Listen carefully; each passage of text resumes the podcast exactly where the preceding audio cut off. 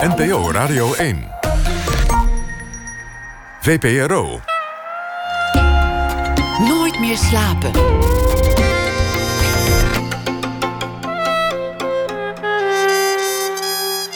Met Clary Polak. Goedenacht en welkom bij Nooit meer slapen. Ik vervang deze nacht nog een keer Pieter van der Wielen. Dus Mieke van der Wij was niet helemaal op de hoogte. Want Kim Jansen was gisteren mijn gast. En Pieter is er morgen weer. Ze staan bekend om hun fotografie. Maar eigenlijk zijn het uitvinders die hun eigen experiment vastleggen. Na ene spreken we Sjoerd Knibbeler en Diana Scherer. Hun foto's zijn te zien op de expositie Reinventing Nature. En fotograaf Martijn van der Grient komt op bezoek. Met hem ga ik het hebben over Maria, een jonge vrouw uit Eindhoven... die hij gedurende negen jaar fotografeerde en filmde. Dat onder meer na ene. En dit uur zit tegenover mij Roel Jansen. En de reden is de verschijning van zijn boek Alles Verloren. Welkom. Dankjewel. Ja, de Engelse fotograaf Mortimer wil een fotoreportage maken van het vluchtelingendrama aan de grens van Europa. En hij vindt de Nederlandse Tessa bereid om hem mee te nemen op haar zeilboot voor een tocht langs de Griekse eilanden en de Turkse kust. En tegelijkertijd maakt in Brussel een groepje hoge functionarissen zich grote zorgen over de woede van de bevolking in de Europese Unie, Unie over de vluchtelingenstroom naar Europa. Men vreest het opkomend populisme dat daarvan het gevolg is. En om dat te bestrijden besluiten ze de vluchtelingencrisis met onorthodoxe middelen aan te pakken. Nadat ze het Syrische meisje Soumaya hebben gered uit een gekapseisde rubberboot, ontrafelen Tessa en Mortimer samen een duivelscomplot dat schuilgaat achter die vluchtelingencrisis. Dat is ongeveer het verhaal van het boek wat ik durf te vertellen, want het is een thriller. Uh, nou ja, je kunt het niet beter samenvatten. Dat is het inderdaad. Het zijn eigenlijk drie, drie verhaallijnen, zou je kunnen zeggen, die door elkaar lopen. Om te beginnen de vluchtelingen Soumaya die gered wordt. Maar dan volg ik vervolgens ook een beetje op de achtergrond... als het ware haar vluchtroute door Griekenland en de Balkan. En daarmee heb je het vluchtelingendrama als het ware te pakken. En de hoofdpersonen Tessa, de zeilster... met aan boord Mortimer, een uh, Britse fotograaf... die uh, die fotoserie wil gaan maken. Die, uh, ja, dat zijn eigenlijk de leidende twee personen... die het verhaal eigenlijk door het hele boek lo uh, loodsen. Ja. En um, omdat ze dat meisje uit het water oppikken... nadat de rubberboot waar ze in zat... met ik weet niet hoeveel uh, mensen die allemaal verdronken zijn... en zij als enige gered... Uh, het heeft overleefd en gered wordt... ja, worden ze als het ware in dat drama van Soumaya... in dat drama van het Syrische meisje getrokken.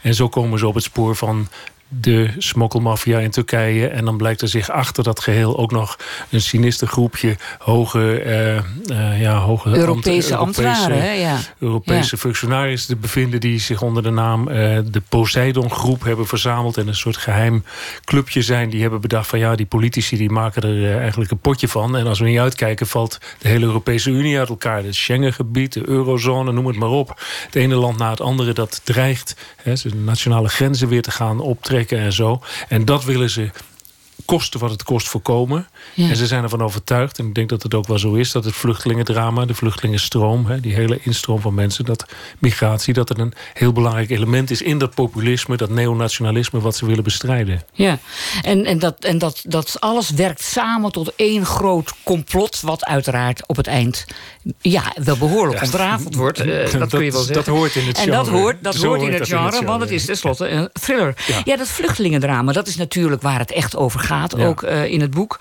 En dat bestaat eigenlijk uit twee componenten. Namelijk mensen die vaak gedwongen worden huis en haard te, te, te verlaten... om het vege lijf te redden. Absoluut. Dat is de ene ja. kant. Dat is al dramatisch. En vervolgens, of gelijktijdig eigenlijk... vallen ze dan in handen van mensensmokkelaars. Ja. Dat is de andere kant van het drama. Ook nog eens. En die dan beloven dat ze zullen helpen. Maar in feite... Um, uh, ja, ze van de regen in de drup of nog erger ja, helpen. Nog veel, in dit geval ja. nog veel erger. Want ja. er gebeuren nog veel ergere dingen. Die, die, die smokkel, wat... smokkelmafia die doet echt vreselijke ja, dingen. Ja, neem ons eens mee in die wereld van de mensensmokkel. Ja, nou ja, dat is een enorme business. Ik heb me vrij goed gedocumenteerd. Je hebt allerlei rapporten erover van Amnesty... van de vluchtelingenorganisaties... van het uh, Europese uh, European Asylum bureau... wat op Malta zit en zo. en daar wordt gezegd dat de mensensmokkel... de één na lucratiefste criminele business op aarde is op dit moment. Juist. Na de wapenhandel, hè, dus de clandestine wapenhandel, heb je de mensensmokkel, die is echt gigantisch van omvang. Ja, jij Eh, zegt ergens in je boek dat het 6 miljard per Ja. jaar is. Ja. Is dat, is dat Ja. eh, natte vingerwerk? Of... Nee, nee, nee. De, feit- de dingen die ik opgezocht heb over de vluchtelingencrisis... en hoe dat daadwerkelijk gaat... en hoe, dat, hoe die vluchtelingenstromen zijn... maar ook hoe die kapitaalstromen, hè, die geldstromen zijn... die ermee te maken hebben, dat heb ik allemaal goed opgezocht. Ja. Ja. En en waar, komt waar komt dat geld dan vandaan? Nou ja, dat zijn de vluchtelingen die dat betalen. Ja. Je moet je voorstellen, mensen uit Syrië... die via Turkije naar de Turkse kust trekken... eh, maar ook uit Afrika natuurlijk, uit de horen van Afrika... die eh, via Egypte naar Libië gaan... of uit Mali, Nigeria, uit, uit zeg maar de, de zuiden van de Sahel... die door de Sahara-woestijn trekken... en dan vervolgens bij de Libische kust komen en zo. Die moeten allemaal betalen, betalen, betalen. En dat is natuurlijk een geweldige maffia. Ja. Het gekke is natuurlijk eigenlijk... het zijn niet alleen de smokkelbazen... maar het zijn ook al die andere mensen die erbij betrokken zijn. De hulpverleners, de knechtjes, de, de, de, de chauffeurs... de bootbestuurders, de, ehm, ja, de advocaten. ehm, nou, ga ze maar door. Dus het is een, echt een, een hele omvangrijke Die daar ook allemaal aan verdienen. groep mensen die er Ook als, verdienen. ze, ook als ze goed willen. Want, want dat is natuurlijk, als je denkt van mensen verdienen aan zo'n drama, dan zijn ze per definitie slecht. Maar je noemt bijvoorbeeld advocaten. Ja. Eh, eh, ja. Nou ja, mijn boek is een, was een, het was een advocaat in familierecht of zoiets. Ik weet niet meer wat hij precies deed, maar iets zulligs en zo. Maar die dacht, die, aan die kust van Turkije valt meer te verdienen met smokkelaars. Ja. Met eh, mensensmokkel. Dus hij is die vluchtelingen gaan smokkelen. Dat is een, een bloeiende business. En het verhaal wat hij vertelt... eh, die, die, die smokkelbaas, die zegt van luister eens, wij zijn een soort dienstverlener. Hè, wij krijgen, de klanten komen naar ons toe, ze willen betalen en wij zetten ze over naar de overkant. ja, Dus alleen ze zetten ze niet over naar de overkant. Nee, ze zetten ze in bootjes en die duwen ze af en dan zoeken je het maar uit. Ja. Ja, daar komt er wel op. Sterker nog, eh, mogen we dat vertellen? Dat, over de aard van... eh, Oké, nou, dat laat gaat wel ja, het dat een is en wel, ander Dat vind mis. ik wel enorm Ja. ingewikkeld van dit, van dit Nou, gesprek. Dat ik sommige het- dingen niet mag vertellen. We kunnen het iets anders vertellen. Wat, wat de gangbare eh, manier van, van doen is... is dat die smokkelboten vertrekken van de kust. Zowel van Turkije. Ja, Turkije, van Turkije naar die Griekse eilanden... die afstand is zo klein, dat kun je haast niet missen. Hè. Dan moet je wel... Je kunt bij wijze van spreken peddelend naar de overkant. Ja. Dus is, sommige afstanden zijn echt maar een paar mijl. Hè, nautische mijl. En, maar van Libië uit is het natuurlijk wat verder, naar, de- naar Sicilië toe. En die smokkelaars die doen het als volgt. Ze bellen halverwege op zee, bellen ze met hun telefoon een, eh, een, een, alarm door... van help, help, we zitten op zee. Gooien de telefoon overboord. Zij zelf springen op een snel bootje en varen weer terug naar de kust... en laten die vluchtelingen dan in zo'n grote rubberboot dobberen... en dan worden ze opgepakt, opgepikt door de eh, kustwacht... of door van die hulpverlenersboten die er zijn. Het is een waanzinnig cynische... Ja, en, ja. En, nou ja, jij zegt ergens in je boek... mensensmokkel is de enige vorm van criminaliteit... waarbij de slachtoffers zichzelf aanbieden. Ja, dat is ook zo. Hè. Ze, ze bieden zich aan. Ze zijn bereid er 1000, 1500, 2000 eh, euro te betalen om die overtocht te maken. En dat is dus eh, vrij dramatisch, ja. Ja. ja. Ehm, er er is een gebeurtenis in het boek waar ik het verder niet over zal hebben, maar die mij wel noopt aan jou te vragen: verdient dit soort mensensmokkelaars, zoals die advocaat bijvoorbeeld, verdient die de doodstraf in jouw ogen?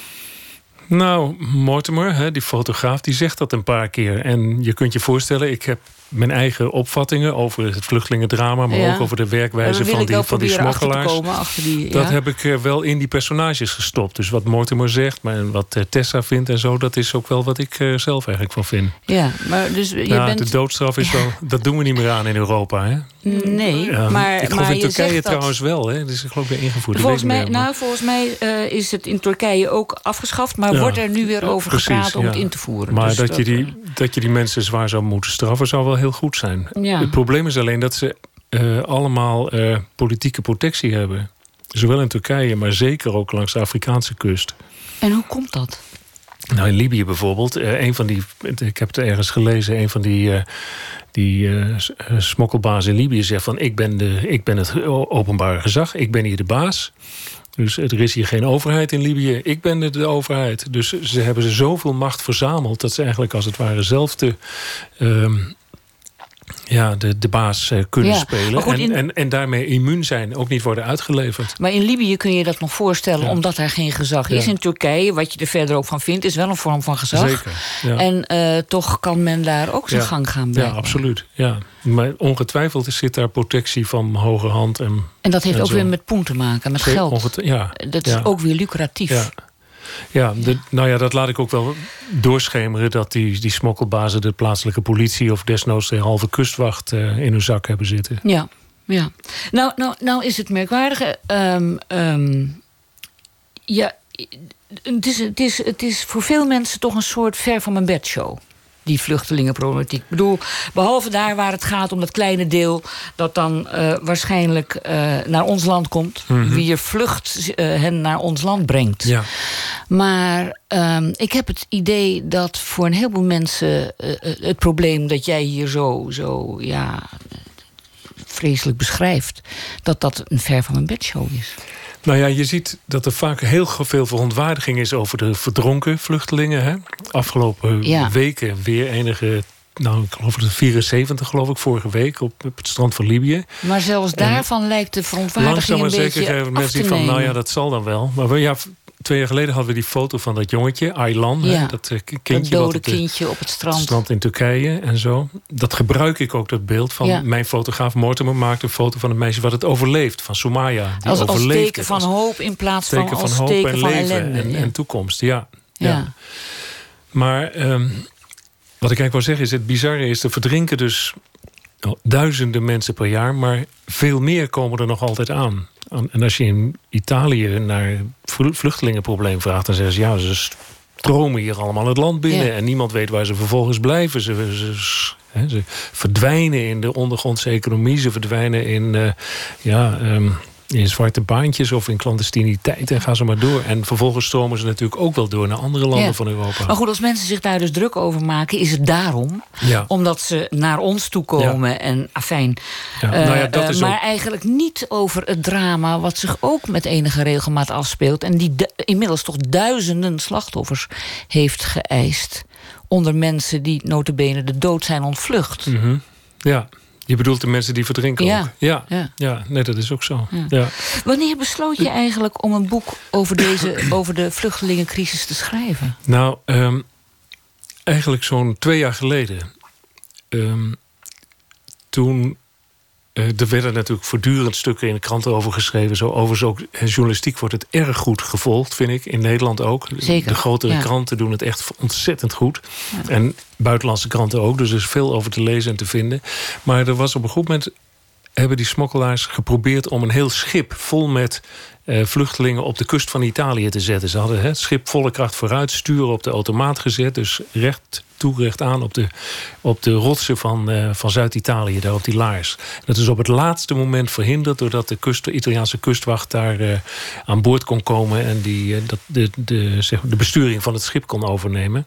En toen dacht ik, nou, dat is wel ongelooflijk zeg. Stel je toch voor, zo'n schip met honderden vluchtelingen knalt er op die rotsen. Wat een mooi, hè? ja, cynisch gezegd, maar Ja. wat, een, wat een spectaculair beeld om, om een film of een boek mee te beginnen. En toen dacht ik, hier moet ik toch eens verder achteraan gaan en kijken hoe dat allemaal in elkaar zit.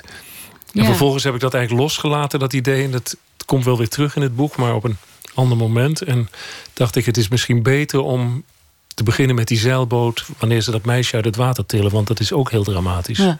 Maar wind, wind jij je erg op over die vluchtelingencrisis? Of ehm, zie je het ook zo langzamerhand als iets wat bij deze tijd hoort? Nou, ik vind.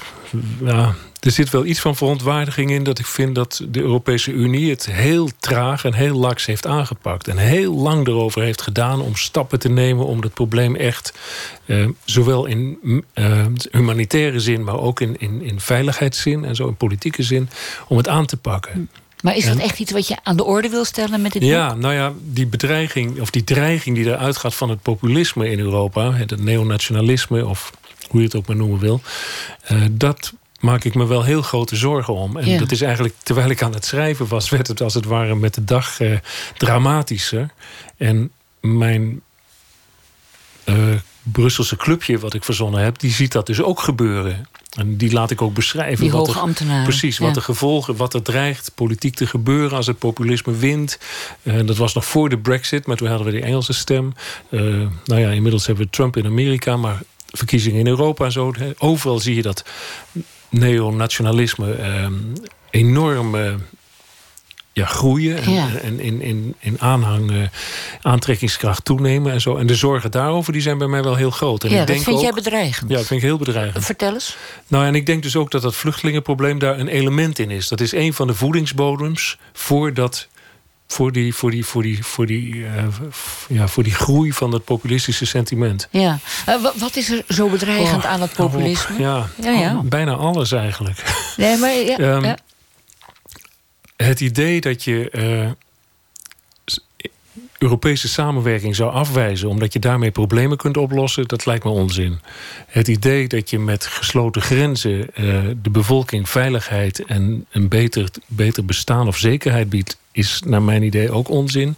Eh, het zijn vaak holle kreten, loze beloftes die gedaan worden, die bovendien nog leiden tot een enorme hoeveelheid aan discriminatie, eh, antisemitisme, anti-islamisme, eh, wat al niet en zo. En dat die venijnigheid en die, die woede die daar plotseling naar boven aan het komen is uit de bevolking in landen die het hoe je het ook bent of keert, toch redelijk goed hebben. Zeker in Nederland, maar ook in Frankrijk, ook in Duitsland hebben mensen het echt helemaal niet zo slecht. En die woede die dan plotseling blijkt te bestaan onder een soort toegedekte deken, waarvan we misschien te lang niet hebben beseft dat die er is, maar die nu aan alle kanten naar boven komt, dat vind ik heel beangstigend. En jij, jij legt een direct verband eigenlijk met de vluchtelingencrisis, alsof het populisme daar als het ware uit voort zou komen. Terwijl je misschien zou kunnen zeggen dat dat populisme al voor de vlucht- vluchtelingencrisis natuurlijk enorm Ja. in opkomst was. Ik bedoel, Fortuin, Ja. eh, om maar wat te noemen, Ja. was van voor die tijd nog. Dat is waar. Er zijn, er zijn natuurlijk er zijn meer redenen van onvrede. Er zijn meer motieven waarom mensen plotseling zich ke- afkeren tegen de elite of tegen de zittende klasse of tegen, ehm, tegen de wetenschap of nou ja, tegen wat dan ook. Maar het vluchtelingenprobleem is wel een van de eh, aanjagers geweest. Zeker Ja. de afgelopen twee, drie jaar. Dat hele idee van dat er ineens een miljoen mensen dreigden te komen. En eh, Angela Merkel zei weer schaffen das. Ja. Dat heeft bijvoorbeeld in Duitsland echt de opkomst van Pegida en eh, hoe heet het, Alternatieven voor Duitsland, Duitsland, vleugels gegeven. Ja. Ja, en je hebt natuurlijk Marine Le Pen en je hebt natuurlijk de brexit. Absoluut. Dat heeft er misschien allemaal Ja. mee te maken. Ja. Toch wat mij, wat mij opvalt, althans dat lijkt mij op te vallen... is dat het nu op dit moment in de verkiezingsstrijd bij ons... eigenlijk nauwelijks een, een Ja. rol speelt. Wilders Ja. heeft het een hele tijd gehad over een tsunami van, van vluchtelingen en zo. En nu merk je eigenlijk niet dat dat nog op plaats Nee. 1 staat. Nee, dat is eigenlijk heel verbazingwekkend. Eh, dat Wilders het heeft laten vallen als item, kan ik me nog iets bij voorstellen. Want het aantal vluchtelingen wat naar Nederland komt, is drastisch afgenomen. De, de voorspellingen voor. Even goed nadenken. eh, Voor 2016 waren geloof ik 50 of 60 of 80.000 Ja, het mensen. of zo. Die- veel minder. Die zijn bij Ja. lange na niet gehaald. Nee. Dus dat Wilders dacht van, oh, hier ga ik geen punt meer maken. Dat kan ik me nog voorstellen. Hoewel die natuurlijk wel zegt, Europa deugt niet... en de grenzen moeten dicht en de gulden moet terug en zo. Wat echt, ja, naar mijn gevoel dus eh, flauwekul is. Nou, ja, Maar wat ik, wat, heel, wat ik gek vind, is dat Rutte er niet een paar keer iets over gezegd heeft. Of de PvdA. Want dit kabinet heeft in vorig jaar, het eerste half jaar dat Nederland eh, voorzitter was van de Europese Unie, hebben ze die Turkije-deal er doorheen gejaagd. Ja. Wat ongelooflijk knap is. Daar kun je van alles van vinden, maar ze hebben het wel voor elkaar gekregen. Het was een plan van Samsom. Hij heeft dat samen met Rutte en Merkel hebben ze dat eigenlijk er doorheen weten te krijgen in Brussel in een recordtijd. Hè? Als je weet hoe lang en slepend soms dingen in Brussel zijn. Ja, En dus ik begrijp eigenlijk niet waarom Rutte niet een paar keer ook in de verkiezingscampagne heeft gezegd van nou, dat heb ik toch maar mooi voor elkaar gekregen. ja. En wat dit grappige is, het is eigenlijk het plan wat ik zelf min of meer had uitgewerkt in mijn eigen plot. Nou ja, dat is, Dus het, dat is ik vond ook eigenlijk dat hij grappig. best had, Rutte had best kunnen zeggen dat plan Jansen heb ik eh, heel goed uitgevoerd. Ja, dat had hij ja, eigenlijk moeten doen. Dat had je wel leuk gevonden, dat had ik wel leuk dat was ook een leuke reclame geweest Precies, voor je boek. precies. Aan de andere kant, in je boek ben je er heel kritisch over, over die deal. Nou ja, omdat ik wilde laten zeggen van het gaat niet ver genoeg, het gaat niet snel genoeg en zo. Ondertussen gebeurde er natuurlijk wel het een en ander. Er is die Turkije-deal gesloten. Er is ook nu, zijn ook wat meer afspraken gemaakt om eh, met patrouilles te varen er in de Middellandse Zee en zo. Er gebeurt natuurlijk wel van alles, maar Ja. het gaat langzaam stapje voor stapje. En mijn, eh, mijn, eh, mijn hoge functionarissen die vinden dat het gewoon harder en radicaler moet. Ja. Het, het- is zo'n actueel thema en het is zo'n opeenstapeling van gebeurtenissen... dat ik eigenlijk ook gaandeweg het lezen dacht van... jee, wat een, wat, een, wat een moed om daar een boek over te schrijven. Want het is natuurlijk vooral ook een journalistiek onderwerp, zou je Ja. zeggen. En zo'n boek, ja, het, is- het ligt hier nu in druk. Straks is het meteen achterhaald. Of, Ja, nou ja, daarom heb ik... ehm, ik hoop het niet, natuurlijk. nee, ik nee, hoop dat het nog jaren meegaat. Nou ja, ik hoop het eigenlijk wel. Het zou misschien dat is beter zijn waar, voor de dat vluchtelingen. Goed, maar dan kun je erop terugkijken en zeggen... Goh, weet je nog, zo was het in negen- eh, 2017 of zo. Ja. Maar ehm, nou, ik heb met opzet niet voor een journalistiek non-fictieboek ge- ge- gekozen. Om, om te beginnen zijn er een aantal journalisten die het al gemaakt hebben. Er is een boek gemaakt door een aantal correspondenten... over de vluchtelingenproblemen. Eh, over, de, over de vluchtelingen zelf. Ehm, en ik dacht, ik moet toch een andere invalshoek proberen te vinden. Daarom ben ik gekomen met dat plot tegen het populisme, zeg maar. Ja, ja, En ja, dat geeft een hele andere draai, een politiekere draai aan het hele verhaal. Ja. Hoe, hoe heb je research gedaan? Ben je, want eh, het- we hadden het net even over Libië en we hadden het net Hmm. even over Italië. Maar eh, het boek speelt zich met name af eh, voor de Griekse kust Ja. en voor de Turkse Ja. kust. Ben jij naar die Griekse eilanden geweest? Ben jij naar Marmaris geweest? Dat bijvoorbeeld een grote rol speelt. de, de haven in Turkije. Ja. ja. Nou, ik heb mij als Karel meegedragen. Eh, ik heb het eh je bent achter je, je, bent Ik achter ben, je in de schrijftafel blijven ik ben in zitten. de gevangenis gaan zitten en heb het achter de schrijftafel geschreven. Nou nee, ik dacht het heeft weinig zin om daar naartoe te gaan omdat er al hele goede reportages over zijn geschreven. Dus de meerwaarde van mij daar nog een keer naartoe gaan, ja.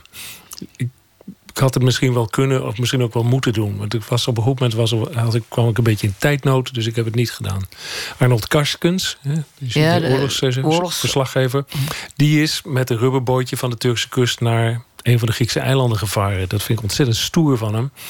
En misschien had ik dat ook wel moeten doen, ja. Het was, was goed geweest. Maar Waarom was dat? Wat, wat had je dan? nou ja, ik denk dat het aan zinnen of aan, aan alinea's... of misschien hoofdstukken in het boek niet eens zo heel veel had toegevoegd. Maar dan heb je zelf die ervaring gehad. Ja.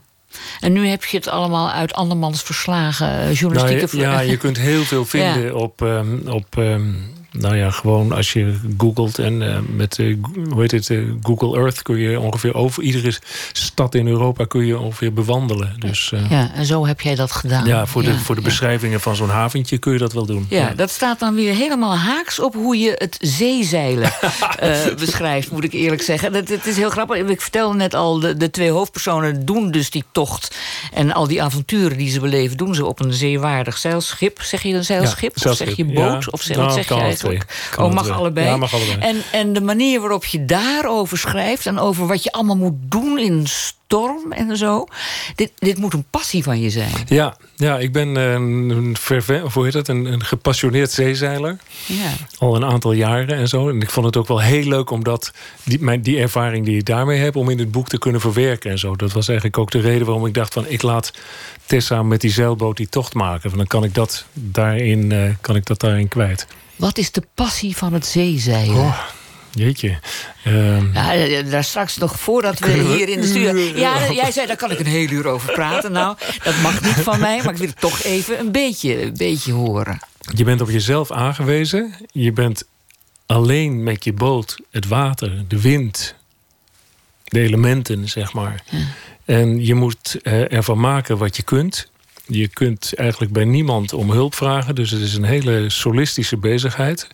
En eh, het geeft een enorme rust, gek genoeg. Eh, juist omdat er ja, omdat het zo'n monotoon soort iets is. Hè? Als het goed gaat, de wind staat goed, de zeilen staan goed. eh, Ja, dan is het lekker Eh, makkelijk. Dan doe je hem op de automatische prettig, piloot. precies. Dat, En dan- dat begrijp ja, ik wel. Maar, ja. maar je zegt, aan, je bent overgeleverd aan de elementen... en vervolgens ga je het over rust hebben. Terwijl is, ik denk bij overgeleverd zijn aan de elementen... dat, je dan, dat er rust ver weg is. Nou ja, je kunt eh, onrustige, moeilijke periodes meemaken. Dat Ja. klopt als het hard gaat waaien. Maar goed, een goede schipper die weet wat hij dan moet doen. Die, hè, die rolt de zeilen in of die reeft het grootzeil. Eh, je- je geeft een andere, je neemt een andere koers, zodat je hè, veilig eh, zeg maar kunt varen. En ehm, nou, dan kom je er wel doorheen. Ja. Een goed schip en een goede bemanning die kan dat wel aan. Dit klinkt nog niet gepassioneerd. Nou, de passie is dat je dat doet. En dat je dat beleeft. En dat je dus echt ook wel de krachten van de natuur eh, heel erg fysiek ook eh, ervaart en, en beleeft. En als het ware invoelt. Wil je ooit nog een solo-reis uh, nee. over... Oh, dat niet? Nee, ik ben niet van solo-zeilen. Ik vind het veel gezelliger als er iemand aan boord is. En oh. dat is ook wel prettig, want dan kun je taken uitwisselen... en uh, samen dingen doen. En uh, het is ook wel fijn als iemand anders koffie zet. Of, ja, en er moet altijd iemand de wacht houden. Ja, er moet wel altijd iemand de wacht houden. Ja, die biertjes. Ja. ik bedoel, ja, dat, was ook iets wat eigenlijk... Ik heb een aantal dingen op moeten zoeken, zelfs op Google. Je, je komt met allerlei merken bier ook. Want die Mortimer is, Mortimer is blijkbaar een enorme fan van bier. Die Mortimer die, eh, die verzamelt als kind bierviltjes. En als hij nu die volwassen is, verzamelt hij verschillende soorten bier... in iedere plek waar die, eh, waar die als fotograaf komt. En uh, ik heb me suf gezocht. Ik vond het ook verschrikkelijk leuk om te ontdekken... dat je allerlei hele leuke merken overal kunt vinden. Maar eigenlijk is het natuurlijk een schande want een goede schipper zou zeggen... er wordt uh, tijdens het varen niet gedronken. Ja, dat was dus mijn volgende vraag precies, aan je natuurlijk. alleen maar in de haven. In hoeverre is dit uit jouw leven gegrepen? Nou, ik ben daar heel terughoudend in. Ja? Er wordt, ja. Uh, nee, je moet aan boord niet te veel drinken. Okay. Niet veel, eigenlijk niet. En uh, wat ik een mooie zin vond van... Het, het rusteloze verlangen naar de veilige haven... hoort net zo bij het zeilen... als de onweerstaanbare hunkering naar zee. Ja, maar dat betekent eigenlijk dat je, als je op zee bent, wil je, wil je op land zijn, of wil je naar een haven. En als je in de haven ligt, dat lijkt ja, dan wil je weer, weg. weer een spagaat. Ja, dan wil je, weer, wil je weer naar buiten. Ja, Dat, dat, Heb jij, dat gevoel heb jij doorlopen. heel sterk. En ik denk dat zeilers dat ook wel zullen herkennen. Dat als je aan het varen bent, denk je van... oh, nog een uur of nog een halve dag... en dan kan ik heerlijk in die haven gaan. En leggen we de boot vast en dan, nou ja, dan neem je dat biertje. En dan drink je op de goede afloop van een mooie tocht.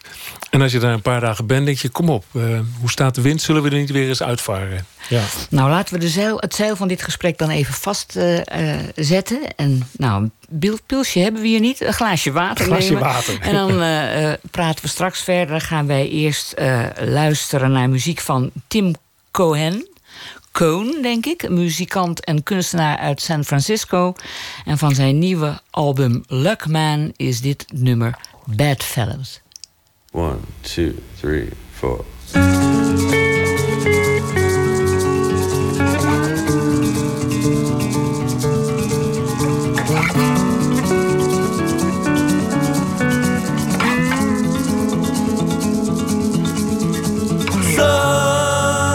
Somebody mustn't change into what she cannot be. Love follows every mile, planting flowers at her feet. Some gardener's daughter dug up a grave, and it came back to haunt her for the rest of her days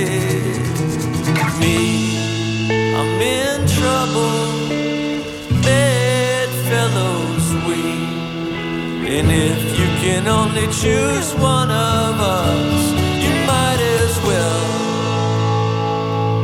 But it might as well be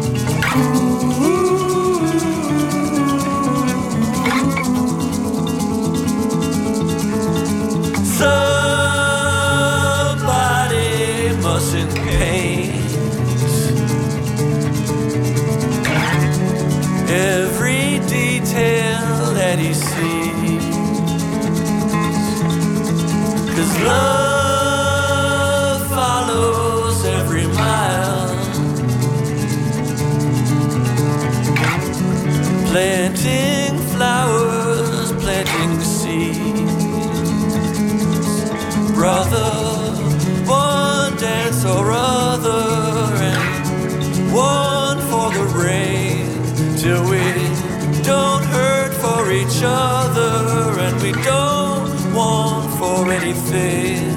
It's me. I'm in trouble. Bedfellows sweet. And if you can only choose one of us, you might as well. But it might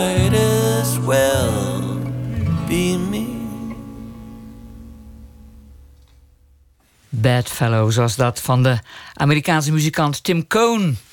Tot nieuws van 1 uur praat ik met journalist en schrijver Roel Jansen... naar aanleiding van zijn nieuwe boek, de thriller Alles Verloren. Het boek begint, uh, Roel, met het, een boodschap, met het motto... Uh, overigens ontleend aan Arnon Grunberg die dat een keer in een voetnoot heeft geschreven in maart 2016. Wat kapot moet worden gemaakt is het businessmodel van extreem rechts in Europa. Ja. We hadden het net even over het populisme, maar wat is het businessmodel van extreem rechts in Europa? Nou, hij schreef dit naar aanleiding van de Turkije-deal die Europa getroffen had. Ja. En toen schreef hij nou, als ik het kort samenvat, die Turkije, hè, die deal om die vluchtelingen buiten de grens te houden, die is bedoeld om het businessmodel van extreem rechts in Europa kapot te maken. Namelijk om ervoor te zorgen, ja, het businessmodel, wat hij daaronder verstaat, eh, laten we zeggen, hun, hun politieke agitatie, hun politieke agitprop, eh, hun, hun, hun misbruik maken van angst van mensen voor immigranten, voor misbruik maken van angst voor mensen voor, voor wat het vreemde, voor Europa. Alles wat wij net eigenlijk dingen. onder het Ja. populisme Ja. hebben geschaard, Ja. dat noemt hij het businessmodel. dat- En dat- maar dat neem jij dus over ook. Ja. En het, ik, vond het heel, ik vond het zo toepasselijk en zo treffend zoals hij dat opschreef... dat ik eh, aan hem gevraagd heb van eh, kan ik die zin gebruiken... en zou je het leuk vinden om te, te zijn dat tijdens het boek klaar is... om het eerste exemplaar in ontvangst te willen Ja. nemen. Want dit is eigenlijk precies de, de, zeg maar de onderliggende, grondliggende, onderliggende gedachte... die aan het boek eh, ten grondslag ligt. Zeker. En dat heeft hij gedaan, dat is Hij heeft ontzettend het aardig. eerste Ja. exemplaar. Heeft je er ook iets over gezegd? Nou, hij vond het... eh, ja, ja hij, hij, hij zei dat hij ermee instemde, ja. Met de inhoud van het boek? Ja, ja, ja, want- Het was ontzettend vriendelijk dat hij dat deed. Dat hij er even tijd voor nam. Ja, zeker. Eh, eh, je- maar je, je richt je niet alleen eh, tegen extreem rechts in het boek... Maar, maar, maar ook tegen de mensen die het populisme het hoofd willen bieden. Namelijk die, die ambtenaren in, in Brussel die, die, die een oplossing willen Nou ja, die bedenken... gaan- en waarvan gaan- jij de oplossing eh, ook... Ja, Nou ja, voor een deel is die oplossing. eh, kan, ik daar wel iets, kan, ik, kan ik daar wel iets mee? Maar voor een deel gaan ze natuurlijk wel ook heel ver. Ze ja maar, extreem maar, ver in. maar je schrijft echt ergens... Europa is medeplichtig aan verkrachting en moorden. Dat laat ik een van de eh, Ja. hulpverleners zeggen. Hè? Dat laat jij een van Ja. de hulpverleners. Ja. Maar, maar ga jij mij nu vertellen dat jij die hulpverlener iets in de mond hebt gelegd waar je zelf niet achter staat? Nou, dat, het is wel fictie. Dus dat kun je wel doen op dat- zichzelf. Ja, ja, Dat nou, kan grap- natuurlijk wel. Dat zeg je zo makkelijk. Het is wel fictie. Nee, maar, maar- maar dat is natuurlijk. Het is niet alleen maar, maar fictie. Sterker Nee. nog, eh, alles is enorm herkenbaar. Als je het, het allemaal eh, ook gevolgd hebt de afgelopen jaren.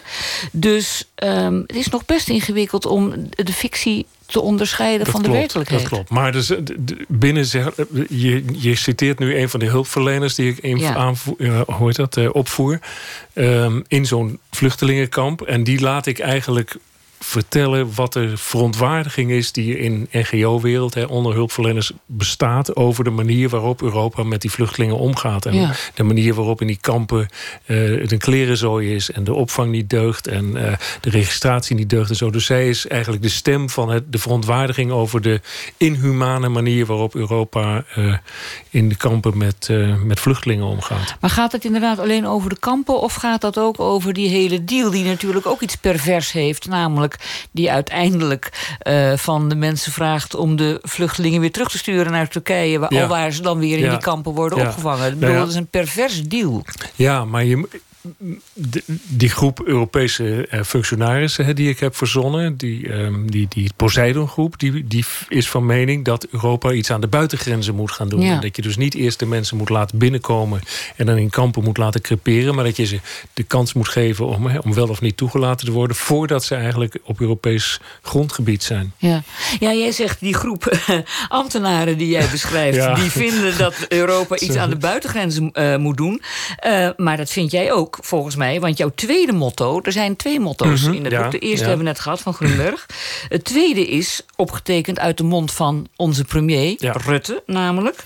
Ehm, laat ik het even vertalen, want je hebt het in het Engels opgeschreven. Dus Ja, waarschijnlijk heeft hij het in in- Engels gezegd. Het was een Engels, eh, eh, een Engels interview. Of een interview voor een Engelse krant aan de vooravond van het Nederlandse voorzitterschap in Ja. eh, 2016. Maar goed, hij zegt dus, zoals we weten van het Romeinse Rijk... grote staten gaan ten onder als hun grenzen niet goed zijn beveiligd. Ja. En, en eh, ik neem aan dat je dat met instemming citeert als je dat als motto van je boek gebruikt? Nou ja, dat is het tweede, dat is het tweede punt wat ik eigenlijk probeer te maken. Is uh, dat Europa heeft de binnengrenzen afgeschaft. En eigenlijk precies hetzelfde is gebeurd met de euro. Hè. We hebben onze eigen munten allemaal afgeschaft. Maar we hebben niet een volledige muntunie opgetuigd. Dat heeft een crisis gekost en heel veel ellende en gedoe.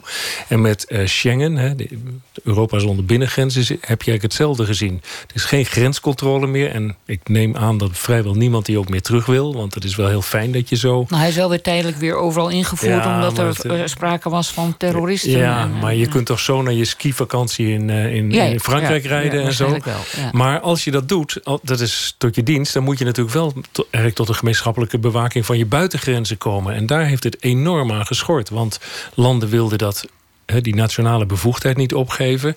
Uh, er was te weinig, is te weinig geld voor. Er is ook niet iets opgetuigd. Er zijn wel allerlei instellingen, zoals Frontex, de Europese uh, grensbewakingsorganisatie. Ja. Maar die is eigenlijk veel te klein. Die heeft nauwelijks geld en nauwelijks spullen.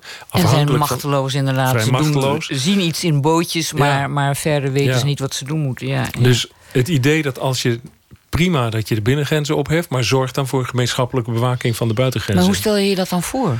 Nou, je kunt toch een Europese grensagentschap... Uh, uh, uh, in Frontex zelf bijvoorbeeld zou je kunnen optuigen... tot een volwaardige Europese grensagentschap. En in, in, in, in die visie hoort Turkije dan bij Europa of nee, niet? Nee, Turkije hoort oh, niet dat... bij Europa. Nee. Nee. Nee, maar wel bij de NAVO. Ja, ja, ja, en ook bij misschien. Dat is wel... natuurlijk het hele grote probleem Tuurlijk. van ons, van, van sowieso onze verhouding met, met Turkije. Ja.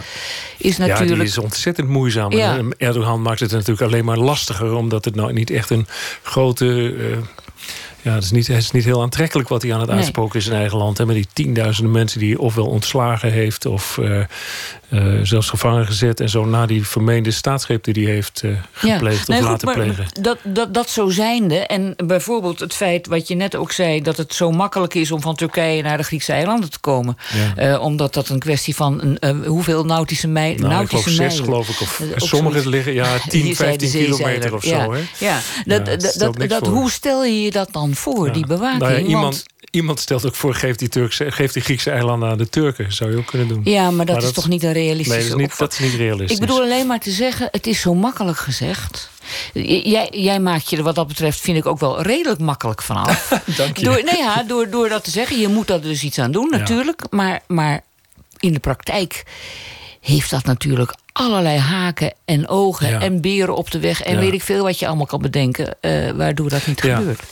Nee, het, het, kijk, ongetwijfeld als je erin gaat verdiepen in Brussel... en hoe je dat oplost met z'n allen, is het razend ingewikkeld. Maar je kunt wel wat meer stappen zetten dan er de afgelopen jaren zijn gezet. En die zijn, voor zover ze zijn gezet, zijn ze te laat en te traag ja. gezet.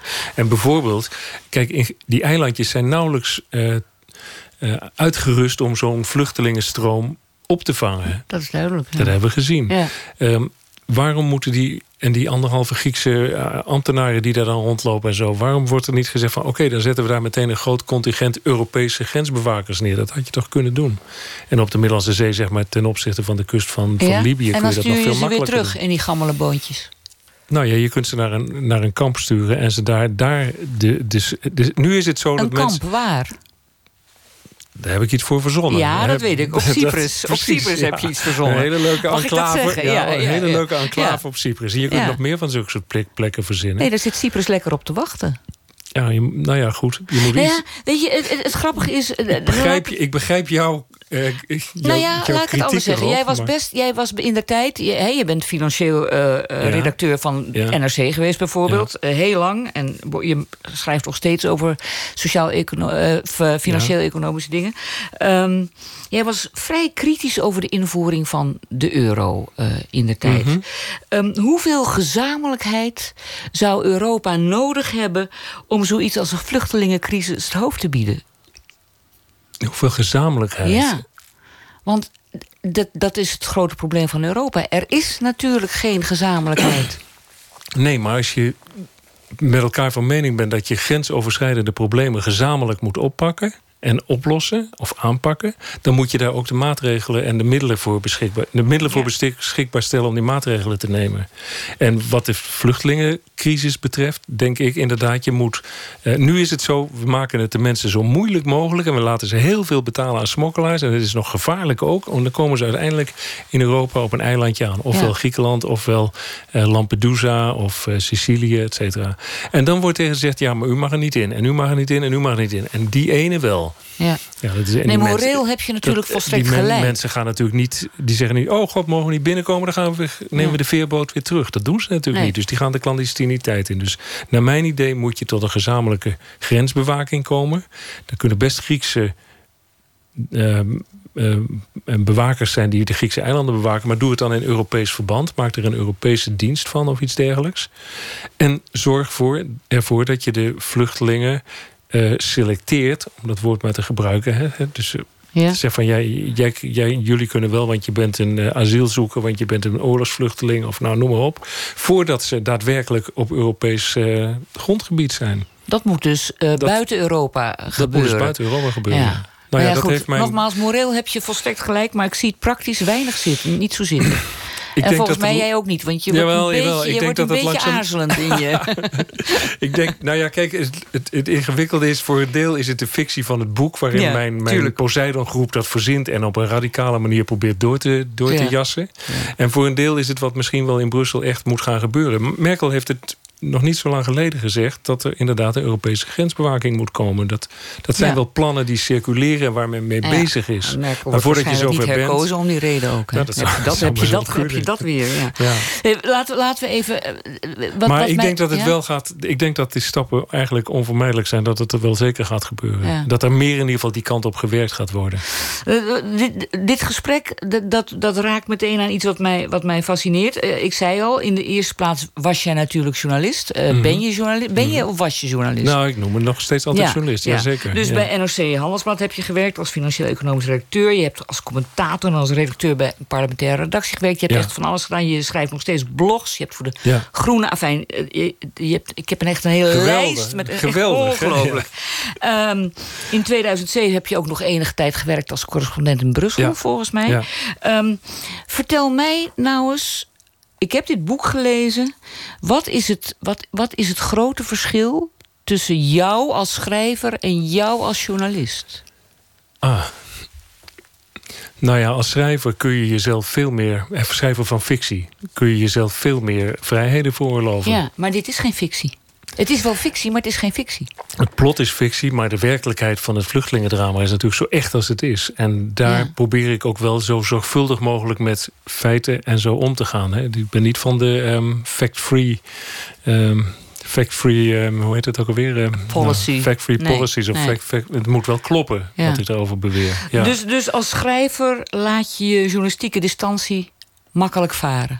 Ja, ja, dat is ook wel heel fijn, want anders zou je zo'n boek niet kunnen schrijven. Als ik het als een uh, nieuwsbericht of als een reportage zou opschrijven, zou het ongetwijfeld uh, ook misschien wel heel aangrijpend kunnen zijn, maar zou het toch anders zijn dan nu, omdat ik er sorry, personages in uh, plaats die het, het, verhaal tot leven brengen, als het ware, die als het ware het ja, vlees en bloed en botten geven. Ja.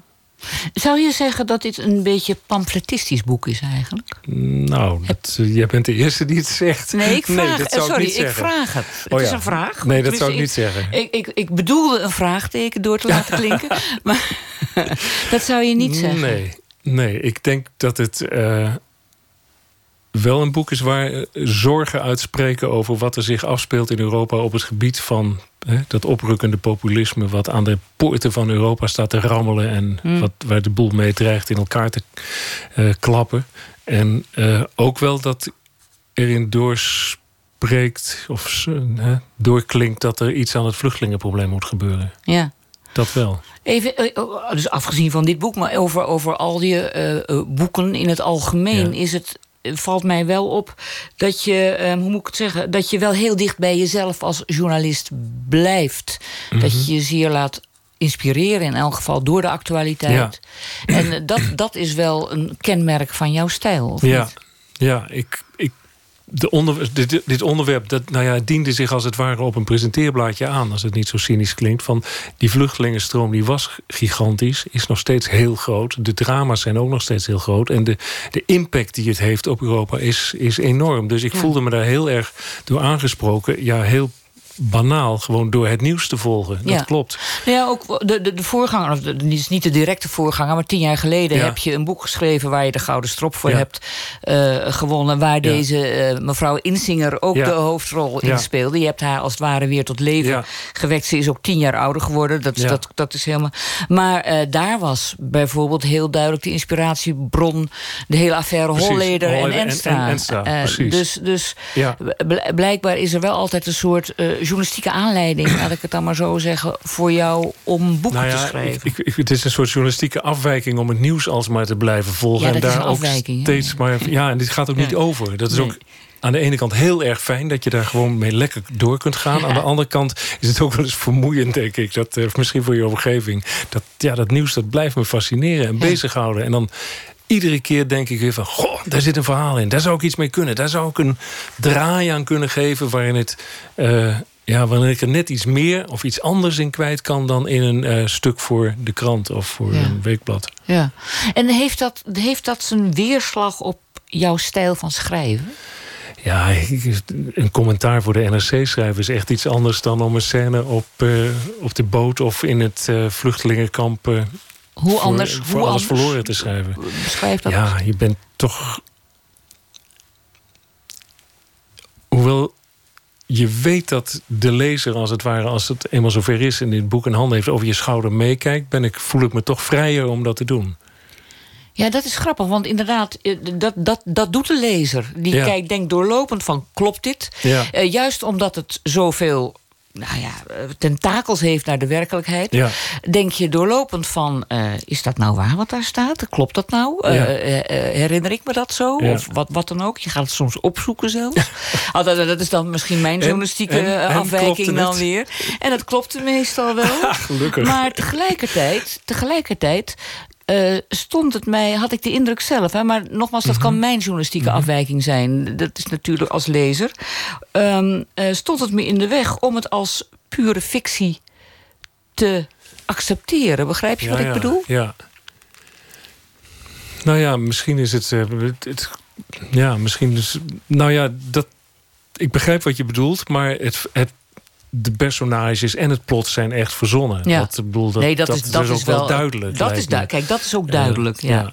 Maar dat de, dat de onderliggende problematiek echt is... en ook de, de, de dingen die ik daarover vertel... die ik zo mensen laat zeggen en zo... dat ook de manier waarop ze weergeven hoe de, hoe de politieke stemming is... Hè, de, de, de zorgen die er bestaan in Brussel en zo... dat, ja, dat mag je best als... eh, als echt aanvaarden. Als, Ja. als, als, ook, mag ook best als echt overkomen. Dat heb ik ook wel bewust voor gekozen. Om dat zo echt mogelijk te Ja, laten zijn. Dat maakt het ook heel herkenbaar natuurlijk. Ja. Dus dat, dat, dat, dat is de, de, de, de goede kant er eh, zeker ook van. Dus dat, dat, dat Nou herkenbaar. heel- En misschien ook wel dat het iets van de zorgen weergeeft die bij mij leven, maar die ongetwijfeld bij veel meer mensen leven. Zeker, zeker, zeker.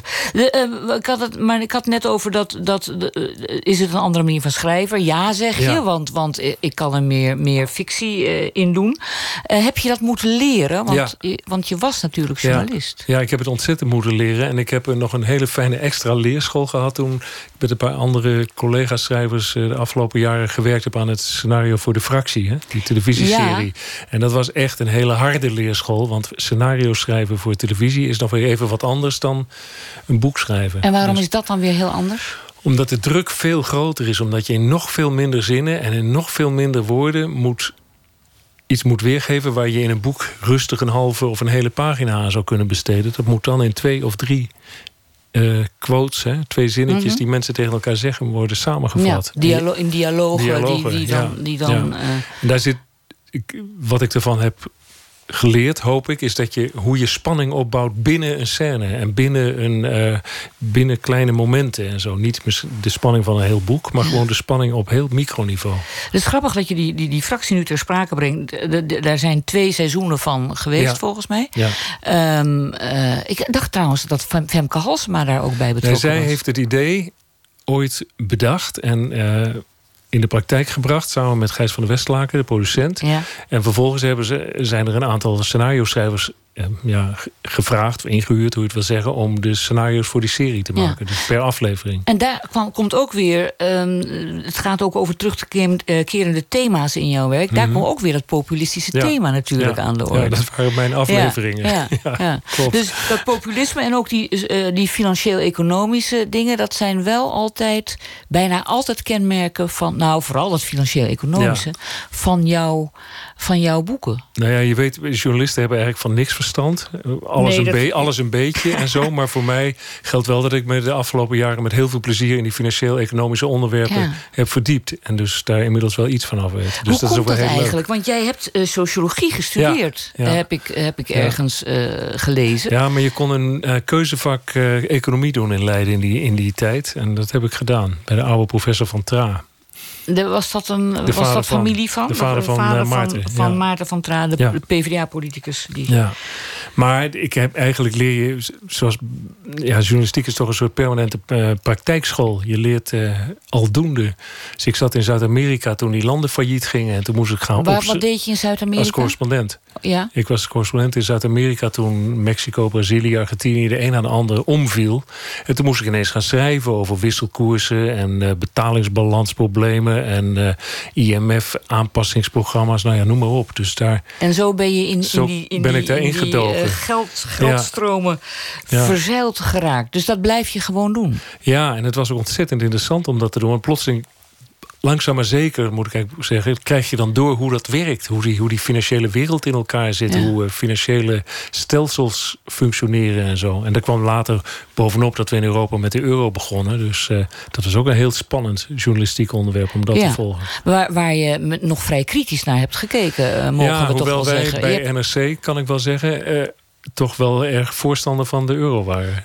Ja, wij bij NRC misschien, maar jij niet zo, dacht ik. Jawel. Of wel? Nou, we schreven de, Jij was vrij kritisch. We probeerden wel steeds afstand te houden en niet in jubelstemming te gaan meedoen aan. eh, oh, kijk eens wat, een- wat allemaal prachtig en zo. En op een goed moment zag je natuurlijk ook dingen eh, spaak lopen.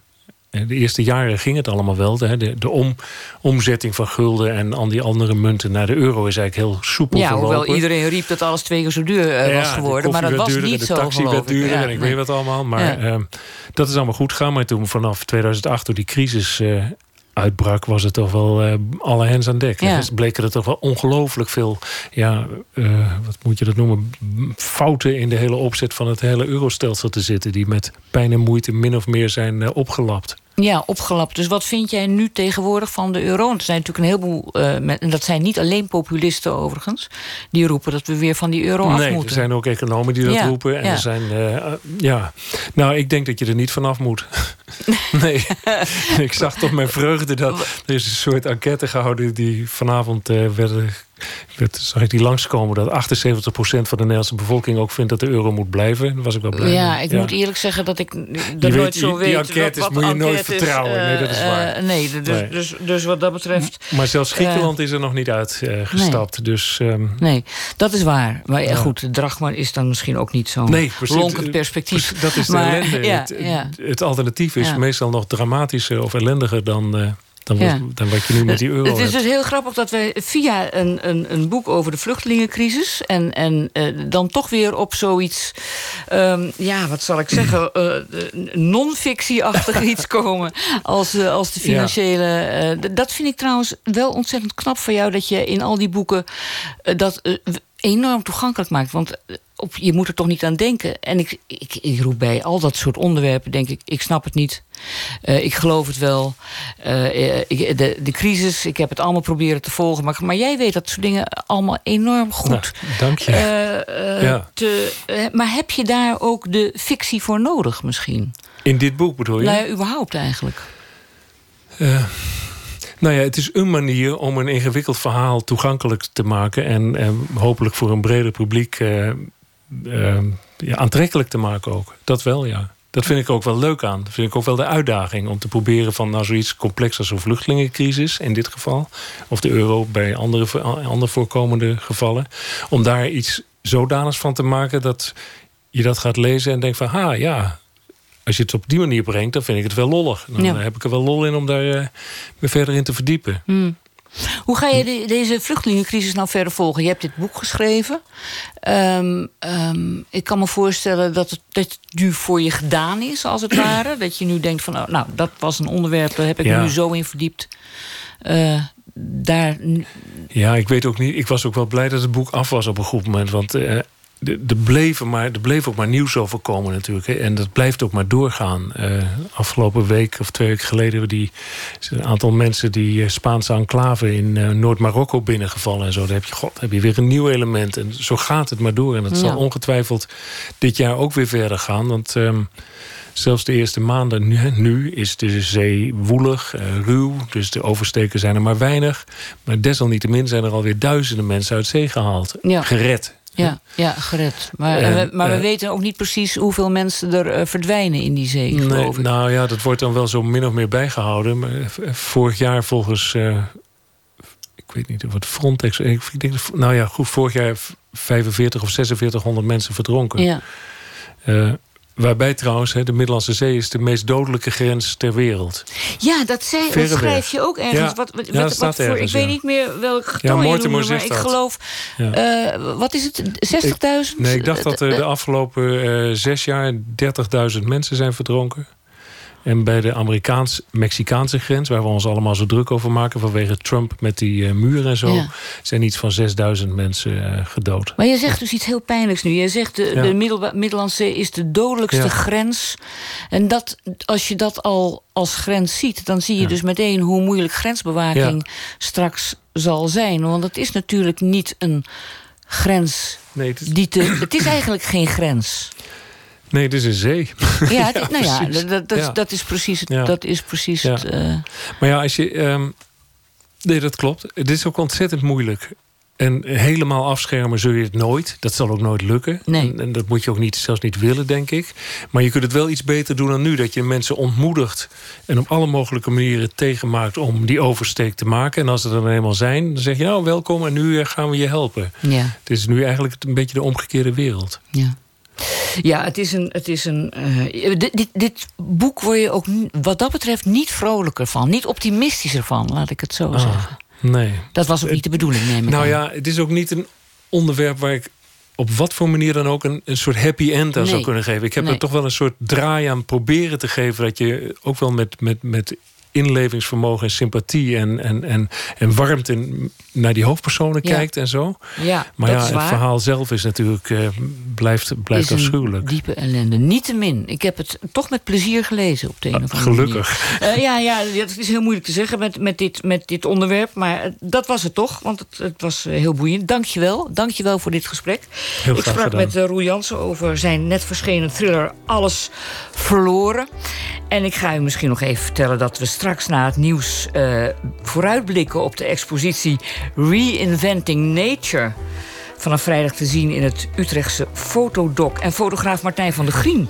Die komt ook vertellen over het fotoboek en de gelijknamige documentaire Maria, I Need Your Lovin'. En dat is nog maar een kleine greep uit alles wat we u allemaal nog te wachten staat. Zo dadelijk. Na één. Tot zo graag.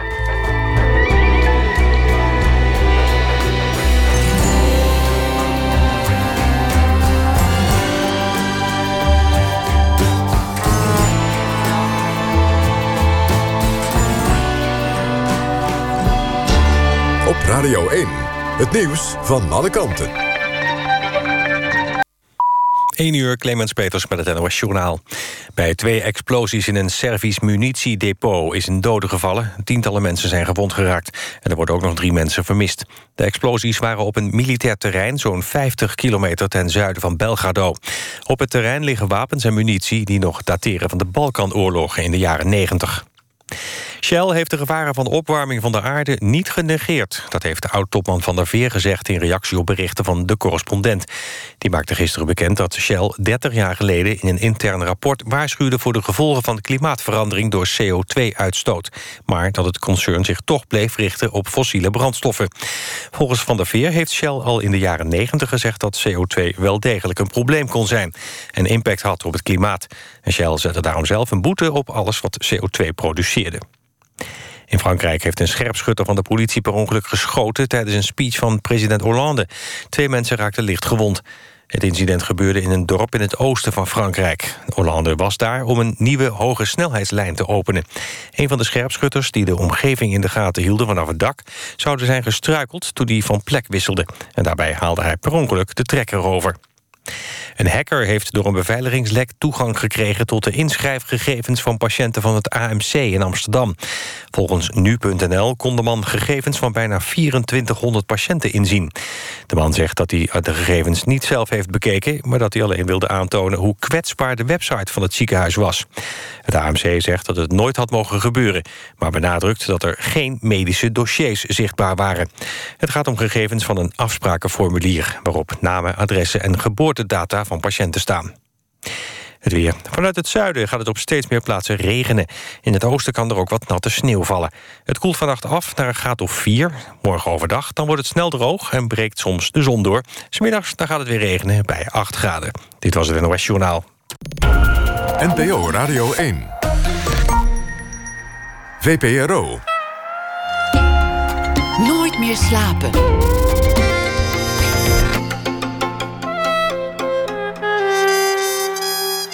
Met Clary Polak. Welkom terug bij Nooit meer slapen. Een tornado in een vitrinekast of de textiel van maiswortel. Straks gaan we op atelierbezoek bij de fotografen Sjoerd Knibbeler en Diana Scherer. En aanleiding is de expositie Reinventing Nature. En fotograaf Martijn van der Grient komt langs. Maar liefst negen jaar volgde hij Maria, een jonge vrouw uit Eindhoven. En dat heeft geresulteerd in een fotoboek en een documentaire. En ook zoeken we contact met Alfred Schaffer in Zuid-Afrika... eh, die voor ons een verhaal bij de voorbije dag schreef. Maar we beginnen met cultureel nieuws.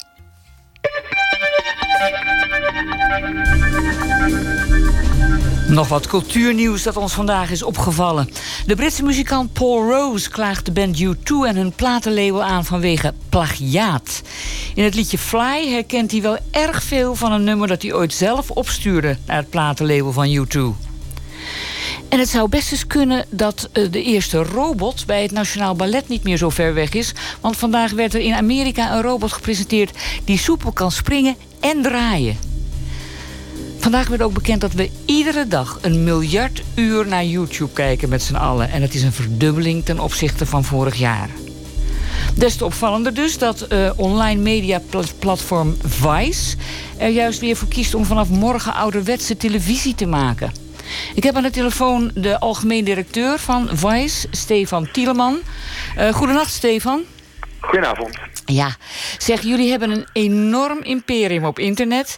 En dan vallen jullie terug op een oud, ouderwets, uit de tijd zijnd medium. Hoe is dat nou mogelijk? nou, ik weet niet of je het uit, het uit de tijd moet noemen. Maar eigenlijk, ja, wat is, hoe is dat mogelijk? Inderdaad, we zijn heel groot online. Uh, maar de, eigenlijk de enige ontbrekende schakel was nog televisie. Uh, Vice is natuurlijk groot geworden uh, als een tijdschrift ooit. Begin jaren negentig. Ja. Toen is de online expansie gekomen. Maar ja, eigenlijk de enige ontbrekende schakel was nog tv. Ja, dus vandaar eigenlijk wel een logische stap. Ah ja, en jij bent natuurlijk, jij komt oorspronkelijk van Talpa natuurlijk, hè? Ja, Ja, dus het is Nou, ook, zit een beetje in je genen. Ja, klopt, klopt. Ik denk dat ik eh, daarom ook hier ben. Eh, ik eh, werkte hiervoor bij Twitter, dus ik heb ook dat online component in mij zitten. Maar daarvoor acht, negen jaar Talpa. Ja. Klopt. Maar goed, jullie publiek is de eerste generatie die opgegroeid is met internet. Ik hoor altijd van, van mensen die jonger zijn dan ik... dat men niet meer zo geïnteresseerd is in televisie. Ja, nou, daar is natuurlijk altijd veel discussie over. Alleen, de, nou ja, vandaag heb ik me dat nog eens een keer uitgebreid laten vertellen. Als voorbereiding hierop natuurlijk. Maar de, de, de millennial, waar we ons op richten... kijkt nog steeds meer dan twee uur televisie eh, per dag. Dus, eh, dus, dus, dus ja, weet je dat, dat er geen televisie meer wordt gekeken, dat is absoluut niet waar. Want twee uur vind ik, en meer dan twee uur eigenlijk, vind ik nog best veel. Ja. Millennials zijn mensen van hoe oud tot hoe oud? Ja, als ik het goed heb, is het volgens mij eh, iedereen geboren vanaf 1983. Vanaf 1983 Ja, tot... ja, ik val er net buiten. Oh, jij valt, oké, jij valt er net buiten. Nou, ik Ja. ook, eh, vrees ik. Ja. Maar goed, eh, morgen is de eerste dag. Wat gaan we zien? Klopt. Ehm, wij gaan om zes uur 's ochtends live.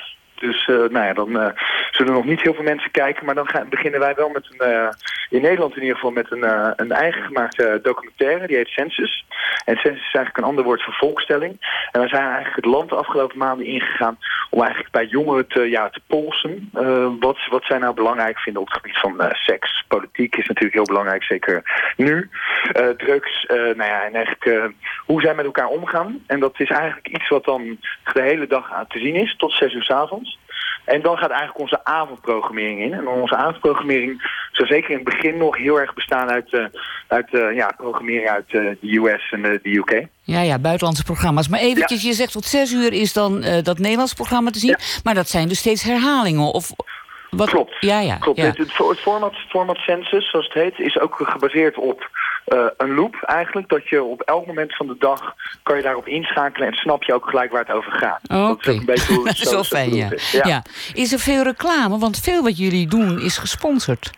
Nou, ik denk dat uiteindelijk de, de reclame is er natuurlijk op het kanaal, maar is niet verschillend dan andere commerciële zenden uiteindelijk. Dus we hebben gewoon eigenlijk normale commercial blocks uh, die andere zenders ook hebben. Oké. Nou, heel veel succes morgen. En uh, we, we, gaan inloggen, we gaan kijken. Ja, Sigo. Dankjewel. Oké, okay, Dat was uh, Stefan Tieleman. En tot zover het culturele nieuws.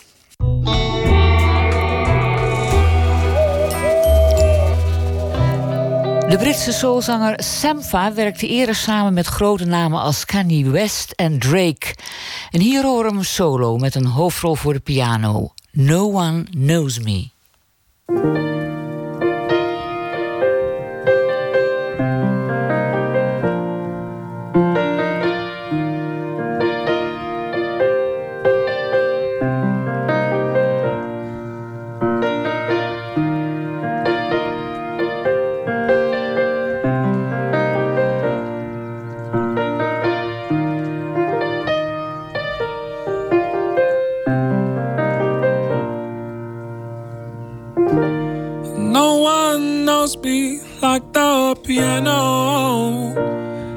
My mother's home.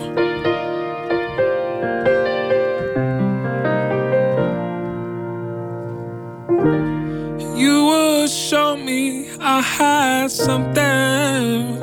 Some people call it soul.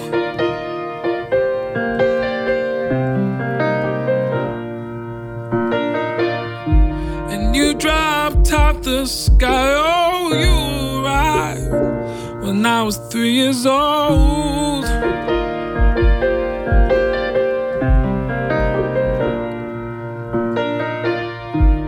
No one knows me like the piano in my mother's home.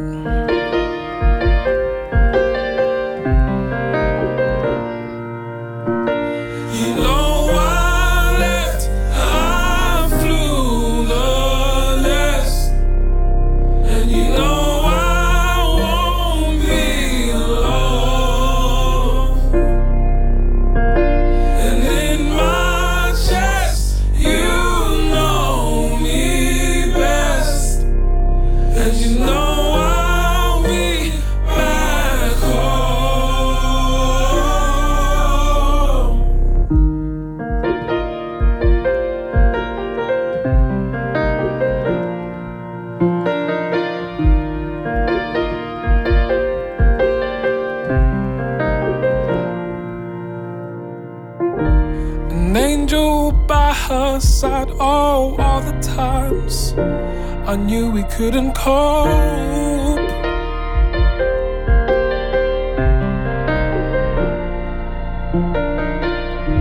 They said that is her time, no tears inside. I kept the feelings close.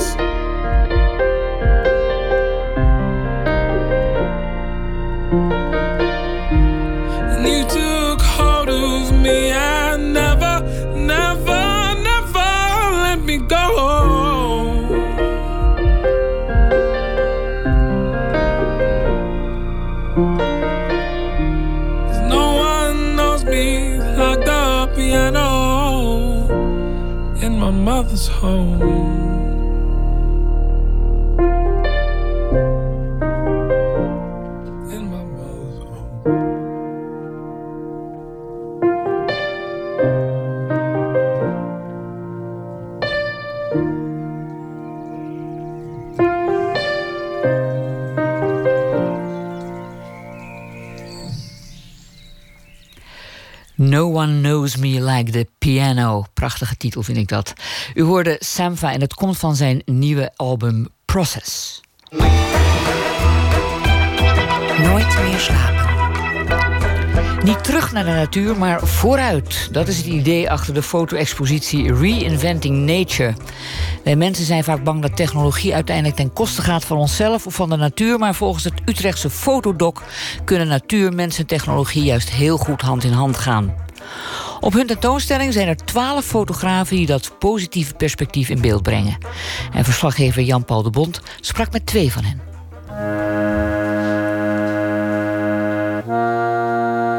Sjoerd Knibbeler en Diana Scherer hebben hun atelier in hetzelfde oude schoolgebouw in Amsterdam-Noord. Eigenlijk zijn ze geen van beide fotograaf in de strikte zin van het woord. Althans, niet meer. Ze kunnen ergens gefascineerd door raken om dat vervolgens in beeld te willen brengen. Maar dan willen ze het wel eerst zelf maken. Of namaken. Sjoerd bijvoorbeeld laat op de expositie een serie foto's zien van de wind. Maar hoe leg je de wind zelf vast? Je hebt altijd een referentie nodig. Je kan het onderwerp zelf niet zien. En dat was het probleem. Dus hoe maak je een luchtstroom zichtbaar uh, zonder te veel de nadruk te leggen op de referentie? Nou ja, ik maak gebruik van hele simpele materialen die je gewoon uh, bij de bouwmarkt kan vinden. Um, stukken plastic, MDF, uh, ventilatoren of... Ik heb dan wel een rookmachine, misschien iets minder... maar ik combineer dus die simpele, die eenvoudige materialen met uh, ja, uh, machines om de wind op te wekken, zoals bladblazers of ventilatoren. Eigenlijk doe ik altijd te veel en dan is, wordt het een proces van wegnemen. Wat kan je weglaten? Hoe weinig heb je nodig om het toch nog te kunnen laten zien? Want een van de, ik, ik denk dan de meest bekende foto's uit die serie, dat is die, ja, hoe noemen we het? Een, een mobiele tornado. Een Ja. tornado onder controle. Precies. Ja, het heet eh, Vortex. En eh, dit is dan eigenlijk een, een vrij kleine tornado die ik heb opgewekt hier in mijn studio. En met behulp van een aantal eigenlijk eenvoudige materialen. Vier, een kastje, een vitrinekastje wat ik bouwde van eh, vier glasplaten. Daarin met behulp van droog ijs rook opgewekt stoom. En die zuig ik uit dat vitrinekastje met een stofzuiger. En doordat je aan elke zijde van die kast eh, een kleine kier laat, ontstaat er een, een draaiing. En die, eh, zodoende kan je een, eh, een tornado opwekken. Het is, ik, ik zie het een beetje als een studie naar de, naar de essentie van hoe zo'n verschijnsel ontstaat. Mhm. Ja, maar misschien ook naar de essentie van wat het betekent om, om het te zien. Want hoe. Er was een moment dat het je voor het eerst lukte. Ja, dat was leuk. dat was eh, een poging of, eh, of 40, denk ik, voordat ik hem, eh, voordat ik hem had. En dat proces daar naartoe is natuurlijk op een of andere manier frustrerend, maar ook heel, heel leuk. Want je bent, je bent ja, je probeert een tornado te bouwen. En dat, dat heeft iets heel, heel ja, tofs in zich om dat te doen. Als het dan een keer lukt, dan, is dat, ja, dan, dan, eh, dan ben ik als een kind zo blij eigenlijk. Je ziet hem gewoon gaan met een winkelkarretje vol bouwmarktspullen. De deur van het atelier gaat op slot. En niet eerder open dan dat het experiment is geslaagd en de foto gelukt. What's he building in there? Ik denk dat dat, ja, dat is eh, misschien dan dat jongetje, maar dat, dat, dat, eh, ja, dat is ontzettend leuk om te doen. En eh, dat is ook iets wat ik herken als ik wel mijn studio uitkom en bijvoorbeeld naar het KNMI ga of naar de TU Delft, dan ontmoet ik daar mensen die op eenzelfde manier daarmee bezig zijn. Dat enthousiasme over die kleine ontdekkingen doen. Wat vinden ze van jouw ontdekkingen van je werk? Eh, dat kan heel erg verschillen. Ik, eh, eh, in eerste instantie, als ik mezelf zeg maar aankondig, is er een soort nodige sceptisch. Ik kom was vaak ook met dan een soort, misschien een idee wat in wetenschappelijke context een beetje gek is. Eh, zo heb ik bijvoorbeeld dan bij de TU Delft eh, gevraagd of ik een, een meteoriet in een windtunnel mocht plaatsen. Ehm, en eh, ja, daar uiteindelijk weer een foto van gemaakt. Ja, dat was in eerste instantie van ja, maar waarom gaan we dat dan doen? Ja, dat is volgens mij levert dat een heel mooi beeld op waarin ik eigenlijk de, de luchtstroom rondom die meteoriet kan vastleggen, dan heb ik in feite eh, op een soort poëtische manier kan ik een vallende ster nabootsen. Ehm, ja, maar dat is geen wetenschap. Daar kunnen we geen. Nee, maar ik zei nee, maar dat, dat, ik ben ook geen wetenschapper. Uiteindelijk, als we dat dan gaan doen, dan ga je toch eh, zien dat ook rondom zo'n steentje, in plaats van bijvoorbeeld een, een onderdeeltje uit een motor van een straaljager, daar, daar verplaatst de lucht zich ook omheen in bepaalde wervelingen. En dat, dat, dat, ga je ook, eh, ja, dat kan je ook bestuderen. Dus uiteindelijk staan we daar dan toch met z'n allen daaromheen te kijken wat er dan gebeurt. En dat, ja, dat is hartstikke leuk. Eén deur verder, het atelier van Diana. Het heeft iets weg van een tuinkas en het ruikt ook organisch. Diana heeft een manier bedacht om plantenwortels te laten groeien volgens een bepaald patroon. Een patroon dat ze zelf bepaalt met een schabloon dat in de potgrond wordt verwerkt. En wat je dan krijgt, ziet eruit als kant of vitrage of, of een vloerkleed. Wat je ziet zijn allerlei stukjes textiel door wortels gegroeid. Een gegeven moment kreeg ik het idee dat ik, of, of het verlangen om het wortelstelsel te breien of te weven eigenlijk onder de grond. Uh, je hebt bijvoorbeeld de wortel van uh, gras is heel fijn en wit als zijde, maar van een magiet bijvoorbeeld heel grof en wollig. Ehm, ik ben naar de Radboud Universiteit gegaan omdat zij gespecialiseerd zijn in wortels. Ze hebben zelfs een wortelkas, helemaal uh, voor het onderzoek. Dus ik dacht, daar moet ik zijn. En zij hebben mij ook uh, direct uh, opgenomen en vonden dat heel interessant. Ze hebben niet gedacht dat het gaat lukken. maar dat vond, ze vonden het veel spannend dat ik daarmee aan de slag ging. en ik vind het ook interessant dat zij anders kijken dan ik. Ik, ik, ben, ik ben aan het spelen. Zij zijn bloedserieus naar oplossingen aan het zoeken. En dat vinden ze wel leuk aan mij. En daarom gebeuren er dingen die je eigenlijk niet uh, van tevoren kan voorzien. Of uh, misschien denkt. Het is natuurlijk nutteloos in eerste instantie om het wortelstelsel te breien of te, te weven. Achteraf gezien zijn we erachter gekomen dat het ook misschien een heel mooi materiaal kan voortbrengen. Dus het was toch niet nutteloos. Nutteloos is het natuurlijk nooit. Zeker niet als het prachtige nieuwe texturen oplevert. Diana Scherer haalt graag Charles Darwin aan, die als eerste betoogde dat plantenwortels een vorm van intelligentie hebben. Alleen of dat nou in haar werk zo tot uiting komt? Het lijkt bijna hier alsof iets intelligents gebeurt. Misschien is dat ook zo, maar dat is natuurlijk mijn, mijn manipulatie. En dat is eigenlijk ook vrij grof. Dat is sowieso van mijn werk vaak de uitgangspunt. Mijn werk met de natuur is niet omdat ik nou zo ontzettend veel van de natuur hou. Ik, eh, ik vind het heel fascinerend hoe de mens met de natuur omgaat. Het is ook vrij ruw en onaardig om iets te krijgen. Uh, soms is dat noodzakelijk, we moeten eten.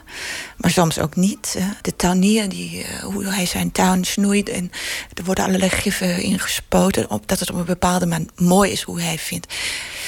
Maar dit tuinier beweert wel dat hij ontzettend van zijn tuin en zijn bloemen houdt. Dus dat vind ik zo'n dubbele kant vind ik interessant. Dat kom je ook um, in Japan en China met de bonsai-boompjes en dit soort. Dat doe ik eigenlijk ook, want het is niet prettig voor dat gaan wat ik doe. Omdat het een heel onnatuurlijk proces is. Opvallend is dat zowel Sjoerd als Diana expertise zoeken op een universiteit, waar de wetenschapper de kunstenaar op weg helpt en de kunstenaar de wetenschapper op nieuwe ideeën brengt. Voor Sjoerd is dat onderscheid tussen beiden niet meer zo duidelijk, maar Diana koestert haar vrijheid. Ik hoef geen problemen op te lossen. Dat geeft me heel veel vrijheid. Ja, daarom zeg ik ook vaak, ik probeer soms een beetje wat onwetend in een project in te stappen.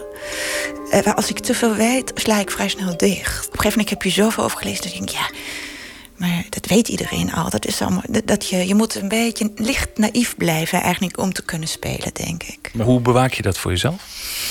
Heel moeilijk is dat om dat te bewaken. Bijna onmogelijk. Maar eh, op een gegeven moment niet meer aan lezen. Op een gegeven moment gewoon doen en experimenteren. En ook dingen doen waar je denkt, is dat überhaupt noodzakelijk? Rare dingen doen, uh, experimenteren blijven, ja. En, ja. Het is als kunstenaar denk ik ook gewoon denken met je handen. En uh, dat is iets wat ik heel prettig vind. Terwijl ik dingen aan het maken ben, uh, leer ik dingen.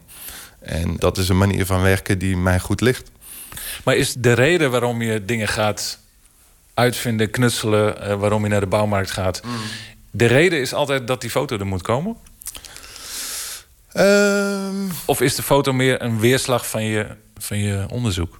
Zeker in dit geval, ehm, daar is die foto heel belangrijk. Want ik kan eh, die sets die ik maak, eh, dat eh, beweegt heel snel en gaat alle kanten op. En, dus ik heb die camera nodig om dat soort vast te, zet- vast te leggen. En eigenlijk een soort verlengstuk van mijn oog waarin ik kan zien wat er gebeurt. Waarmee we terug zijn bij de fotografie zelf. En toch wil Sjoerd vooral een warm pleidooi houden voor dat geknutsel, dat gerommel met spullen van de bouwmarkt. Omdat we vaak helemaal niet meer weten hoe dingen werken. Ja, alles doet het. Je kan alles opzoeken. En eigenlijk een soort actieve kennis of een eh, kunde om iets bijvoorbeeld fysiek te maken. En het willen weten. Eh, dat dat belangrijke dingen zijn die je met die verbeelding kan triggeren. Oké, maar hoe, hoe zit het dan? Hoe, hoe, werkt dat dan? En eh, door jezelf eigenlijk als een soort, want ik ben ook gewoon maar een leek, in een positie te plaatsen van een wetenschapper of een technicus, eh, merk je dat je daar iets mee moet. En dat gaat dan een beetje ongemakkelijk. En dan weet je ook niet of je het wel goed doet. maar er gebeurt wel iets. Je doet wel iets. Er komt wel een soort resultaat uit. En dan, dat, dat is eigenlijk, ja, nog steeds een beetje krom gezegd, maar wat ik, wat ik probeer te doen. Kunstenaars Sjoerd Knibbeler en Diana Scherer. Hun werk is vanaf vrijdag te zien op de tentoonstelling Reinventing Nature bij Fotodoc in Utrecht. Een bijdrage was dit van Jan-Paul de Bond. Muziek nu van Ways Blood, het project van het Amerikaan, de Amerikaanse zangeres Natalie Meering. Haar laatste plaat heet From Front Row Sea to Earth. En daarvan is dit Seven Words. These seven words I say to you, one by one.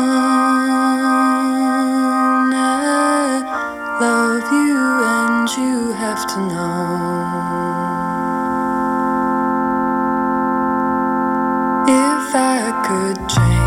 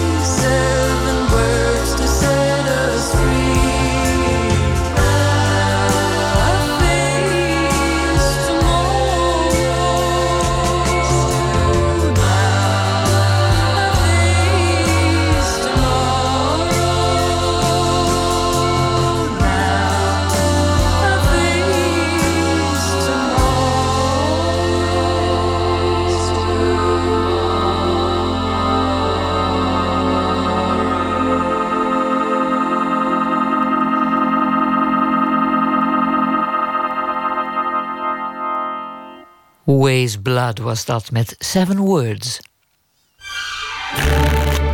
Open kaart. Ja, in onze rubriek Open Kaart trekt de gast kaarten uit een bak met ruim 150 vragen over werk en leven. En dit keer doen we dat met fotograaf Martijn van de Grient. Van der Grient werkte onder andere voor de Nieuwe Revue, voor Vrij Nederland en NRC Handelsblad. En zijn portretten van pop- en rockmuzikanten zijn regelmatig te zien in Oor.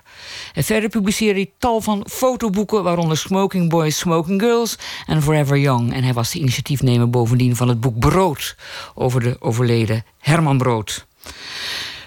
Hij is hier omdat hij gedurende negen jaar uh, fotogra Maria fotografeerde en filmde. Een jonge vrouw in zijn geboortestad Eindhoven.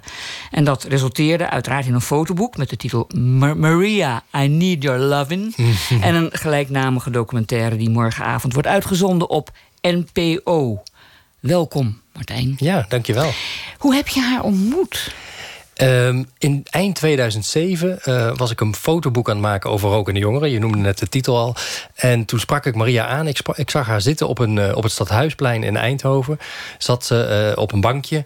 Te roken, neem ja, ik aan. Nou ja, ja, dat dacht ik. Dus ik ja. liep naar haar toe. Ik zei, mag ik een foto van je maken? Want ik ben een boek aan het maken over rokende jongeren. En toen zei ze, oh, maar ik ben niet aan het roken, ik ben aan het blowen. Oh, toen zei oh, nou ja, toen dacht ik, ja, dat is jammer, maar dat, daar gaat mijn boek niet over. Maar het was een hele mooie Braziliaanse, hele fotogenieke, fotogenieke, fotogenieke meid. En ik sprak haar, dat klinkt eigenlijk heel stom meid, maar goed, het was een fotogeniek meisje. En ik ja, dacht van, maar ze hey, was toen nog jong, toch? Ze was 17 of zo. Uh, ja, volgens mij was ze net 18 ja, of zo. Ja, oké. Okay. Ja. En um, dus, dus, ik zei, oh, ik zei, wat doe je dan? En uh, ja, ze was gewoon aan het blowen daar op straat. En uh, toen, heb ik, toen bleef ik slapen in Eindhoven bij mijn broertje. En toen ben ik de, heb ik de dag of daarna weer met haar afgesproken. En toen had ik mijn Polaroid-camera bij me. En toen heb ik een Polaroid van haar gemaakt. En toen hoorde ik een beetje over haar leven. Wat ze allemaal deed. En ze was al moeder. Het was een tien, ze was tienermoeder. En toen dacht ik eigenlijk meteen... Hier, hier zit, dit is een onderwerp. Hier moet ik, daar moet ik meer mee gaan doen. Maar ja, een onderwerp is nog wat anders dan een project... dat ja. negen jaar heeft geduurd... en dat uiteindelijk dan in een boek uh, ja. is, is uitgemond. Maar... Ja, nou ja, ik, ik, ik, ik ben wel gewend echt om langdurig mensen te volgen. Ik, ik, ik, al mijn projecten duren eigenlijk heel erg lang. Uh, en in haar geval, ik wist natuurlijk niet van tevoren... dat ik er zo lang zou gaan volgen. Um, maar iets maar, moet je gefascineerd hebben. Ja, ja, ja dat, was, dat was dus die, die, die, die blik in haar ogen. Die, die, ik zag haar en, en bleek dus ook al dat ze, dat ze een behoorlijk heftig leven had. Dat ze veel had meegemaakt. En ik wilde dus daar iets mee doen. En ik heb die dag al tegen haar gezegd... ik ga een boek over jou maken. En pas een jaar later besloot ik toen... toen omdat ze praat heel Brabants met een heel plat accent. En dan in combinatie met die Braziliaanse... ja, met de Braziliaanse uiterlijk. Toen besloot ik van, ik moet er ook gaan filmen. Want dit is gewoon... dit kan ik niet meer alleen in fotografie vastleggen. Nee, want dat, dat vroeg ik me af. Wat, dat, wat, wat die documentaire, die je mm -hmm. uiteindelijk ook hebt gemaakt... Ja. dus nadat je dat boek hebt gemaakt... wat dat toch toevoegt aan dat boek? Ja, ik denk uiteindelijk nu, nu het er dus alle twee is, denk ik dat het boek eerder een aanvulling op de film is. De film laat echt eh, het leven zien van nou, nou ja, negen jaar lang van het leven van Maria. Ehm, vooral verteld door haar in de voice-over. Ehm, en de Polaroids sp- spelen ook weer een rol. Die komen, die komen elke keer terug in de film als een soort rode draad. En tijdens de Polaroids vertelt zij over haar leven. En in het fotoboek zie je alleen de Polaroids. En dan, dat is dan weer eigenlijk mijn blik weer op haar.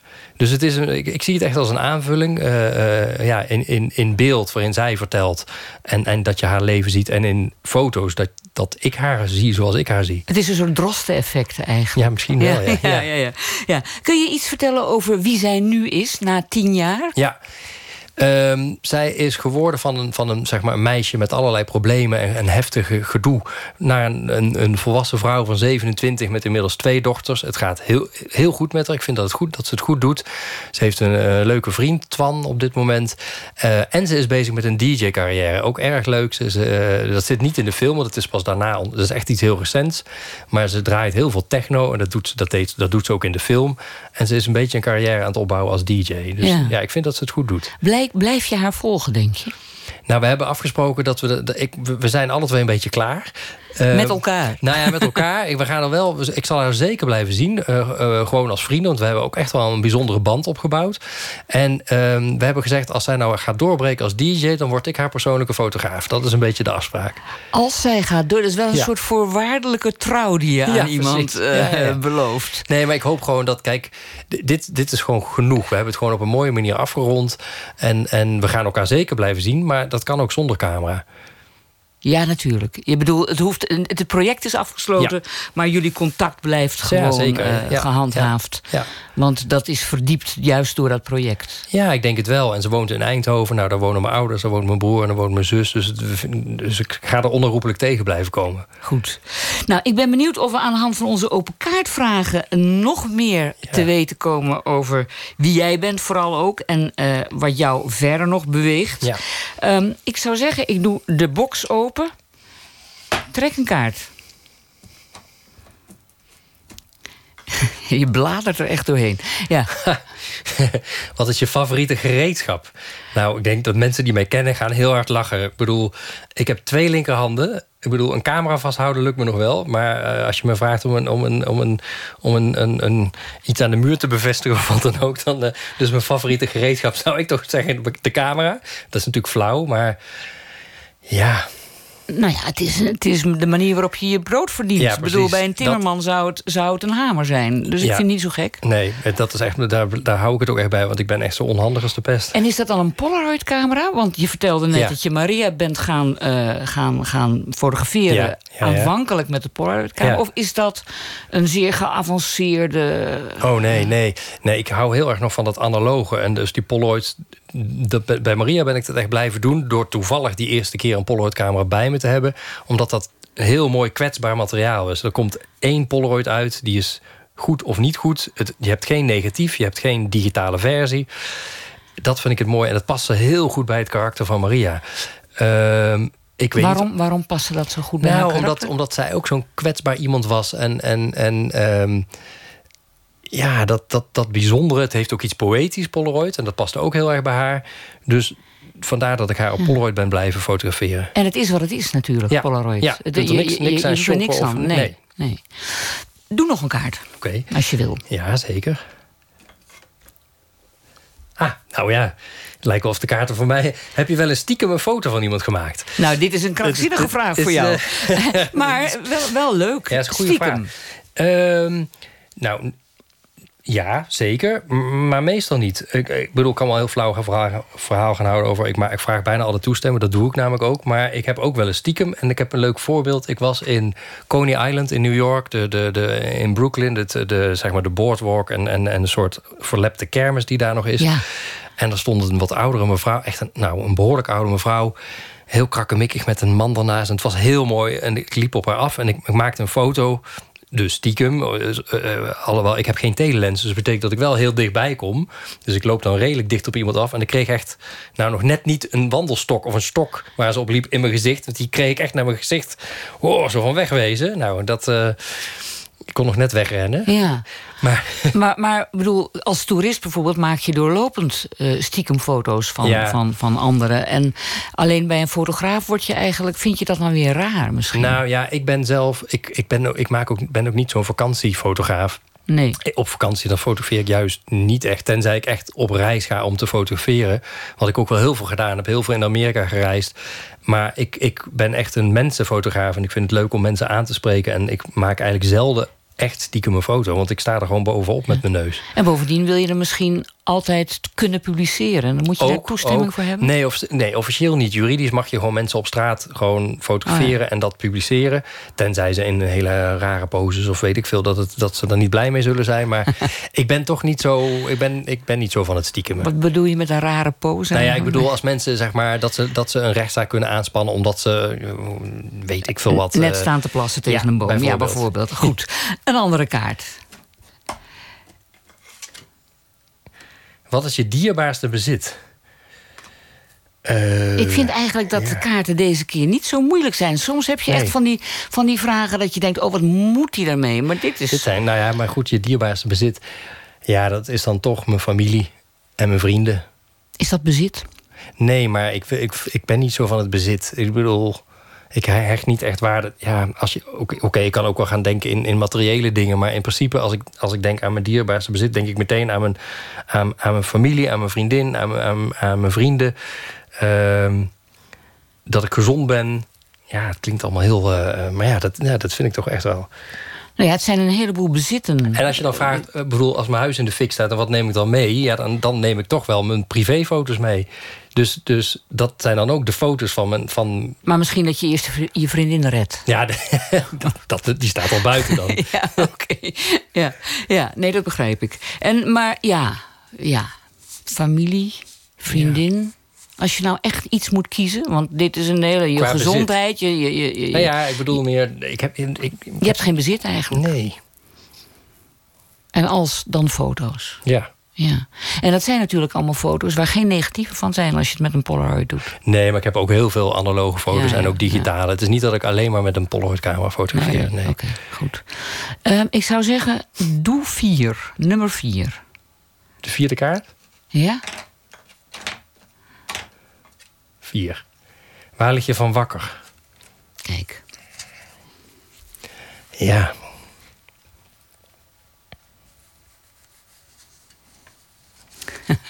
Ja, Ja. Een hele, Ja, een het is hele, een hele lange radiostilte. lange radiostilte. en mensen die nu wakker liggen zouden daarvan in slaap kunnen vallen. Dus kijk uit.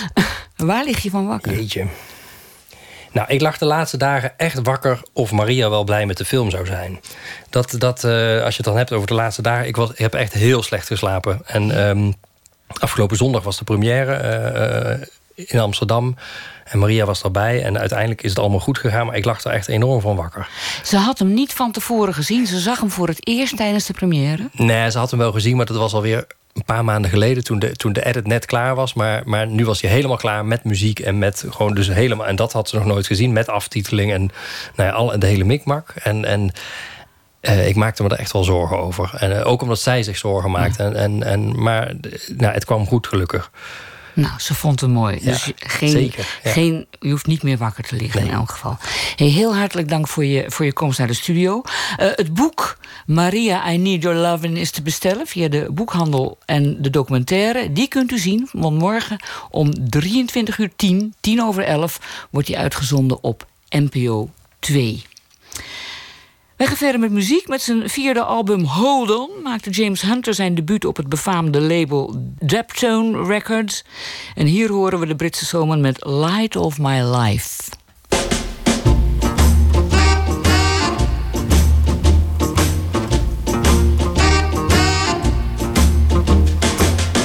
Love you more each day. Can't find the words to say how much you mean to me. True as a love can be. Could I forgive myself? I only know too well if I ever made you cry.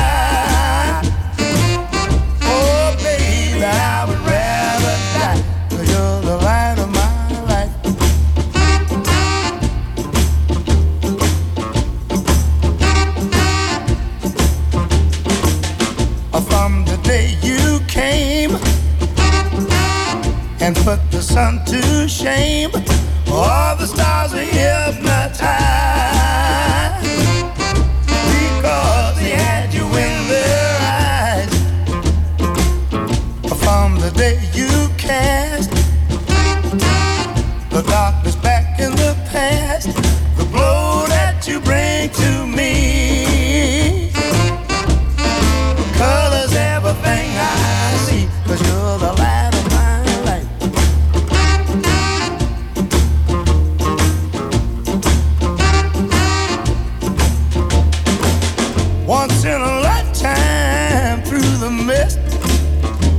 Comes a love like this. I don't know if or when I'll ever see the like again. If you should ever stray, I bless every day, every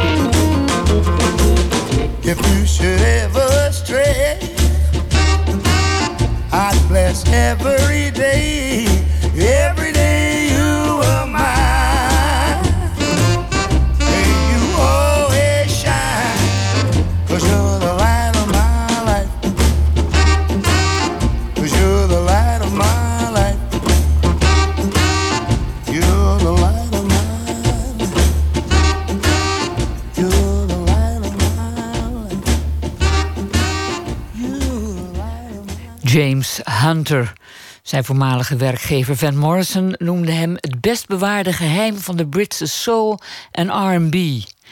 U hoorde Light of My Life. We gaan verder met 1 minuut, een serie wonderlijke verhalen in 60 seconden. Vannacht met de titel Houtversnipperaar.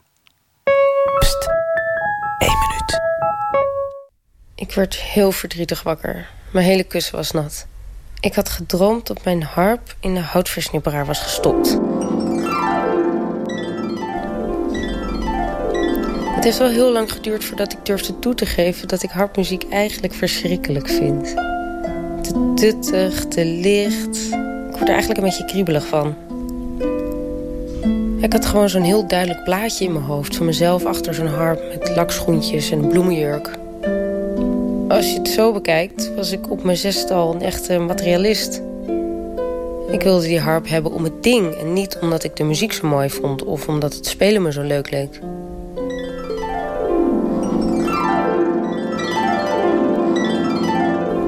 Probeerde mijn harp nog wel met alle macht uit die versnipperaar te trekken, maar het was echt te laat. Ik zag het een beetje als mijn straf. Omdat ik er nooit meer op speel en omdat ik hem al jaren niet meer heb gestemd. En toch wil ik hem nooit kwijt.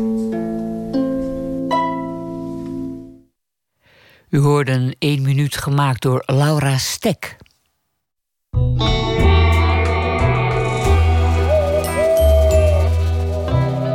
Elke week vragen we een schrijver of dichter om in proza op het nieuws van de voorbije dag te reageren. En deze week doen we dat met de in Zuid-Afrika wonende dichter Alfred Schaffer. Zijn laatste bundel heet Mens, Dier en Ding. En hij heeft nog heel veel meer geschreven, maar dat terzijde. Dag Alfred, goedenacht. Hallo, goedendag, Mary. Zit jij nou op zo'n dag dat je dit moet doen, de hele dag achter een computerscherm te hopen dat zich iets spannends voordoet? Eh, nee, daar heb ik geen tijd voor. Dus eh, het is even kijken op het nieuws en, eh, en, en dan, dan iets schrijven. Nee, het is, eh, op de universiteit is het, We zitten niet alleen maar te slapen op de universiteit. Dus het is zeker een dag als vandaag was het nogal druk. En ook omdat ik toevallig vandaag... eh nou, niet toevallig, maar... Het is natuurlijk wel bijna verkiezingstijd in Nederland. En eh, omdat ik in het buitenland zit en toch wil stemmen... moet ik een beetje eerder stemmen. Dus dat nam ook nogal wat tijd eh, in beslag. Dus dat heb ik vandaag ook gedaan. Het is een klein beetje het nieuwsbericht van vandaag. De verkiezingen zijn pas 15 maart, maar voor mij is het dus eigenlijk al een feit. Ja. geweest. Ja, precies. Je wil natuurlijk niet zeggen waarop je hebt gestemd, of wel? Eh, nee, nou daar gaat het stukje ook een beetje over. Maar Oh. eh, Goed. Nou, laat maar horen dan. leven de moderniteit. Toen ik nog in Amsterdam woonde, moest ik de overwinning van Obama via een radiootje van de HEMA volgen. Nu, in 2017, kun je waar je ook woont desnoods op de play naar DWDD kijken, omdat BVN, het beste van Nederland en Vlaanderen, op je tv, je laptop, je smartphone of je computer te bekijken is. Je hoeft in principe dus niets te missen van Paul de Leeuw, Boer zoekt vrouw, Sinterklaas of opsporing verzocht. Het beeld dat je voorgeschoteld krijgt is een steriele vertekening van het huidige Nederland, een afgewaterde versie. Als ik zelf niet regelmatig Nederland zou bezoeken, zou ik nog denken dat Nederland een wit, angstig en burgerlijk klein landgus is geworden. BVN is van de publieke omroep, dus geen Humberto Tan en ook geen dronken twintigers in een of andere Spaanse kustplaats of ster op het ijs. Nee, alleen de internationale samenvatting van het aanbod van de NPO. Met na het nieuws, het weer in Nederland, China, Australië of waar dan ook. Want waar zitten al die Nederlanders niet tegenwoordig? Zo kreeg ik lucht van www.stemmeninhetbuitenland.nl. Je registreert je, geeft je coördinaten door en een paar weken later krijg je een stembewijs toegestuurd. Een paar weken na het stembewijs ontvangen te hebben, krijg je een stembiljet met oranje retourenvelop.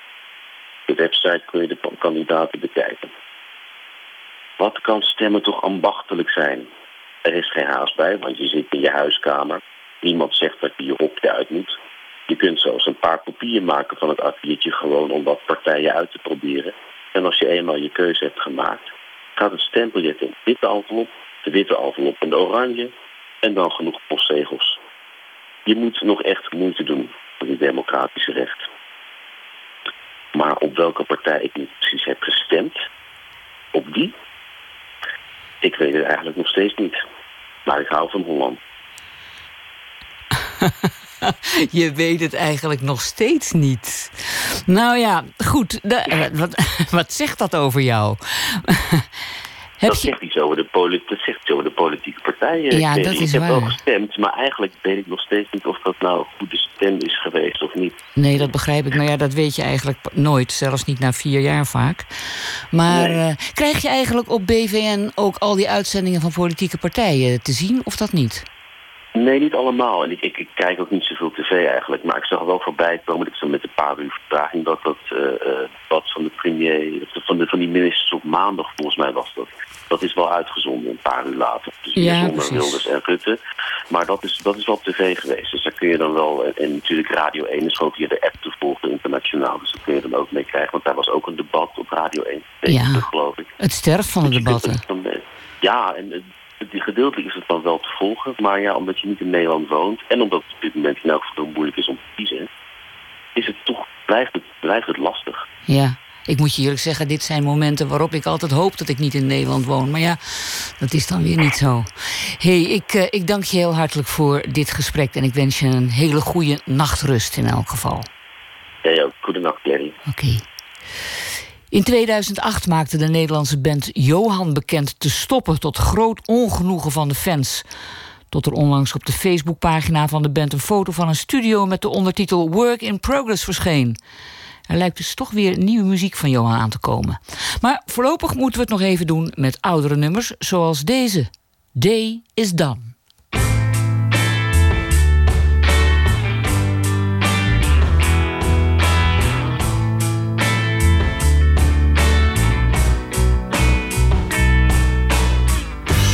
Guess nobody ever told you that when the day is done, are on your own. There'll be no one near to care for you. Catch the morning rain on your face again.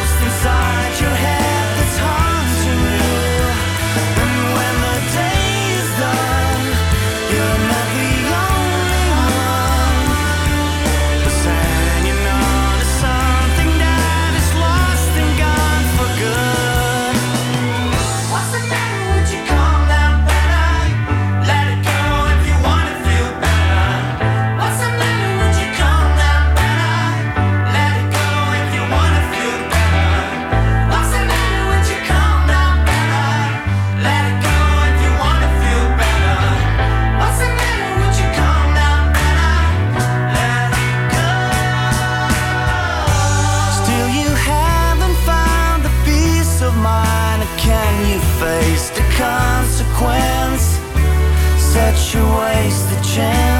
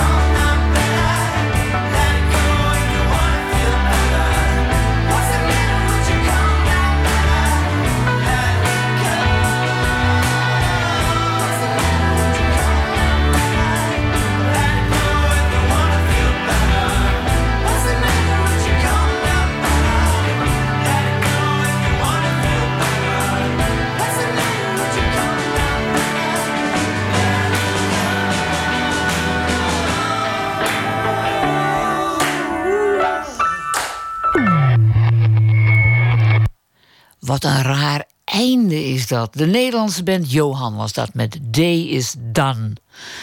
En we sluiten af met poëzie van Menno Wigman. Na zijn debuut in 1997 verschenen er vele bundels... waarvan Slordig met Geluk de meest recente is. Menno Wigman hebben we gevraagd om een selectie te maken uit zijn eigen werk. En deze week leest hij elke dag een gedicht voor. Vannacht is dat Herostratos.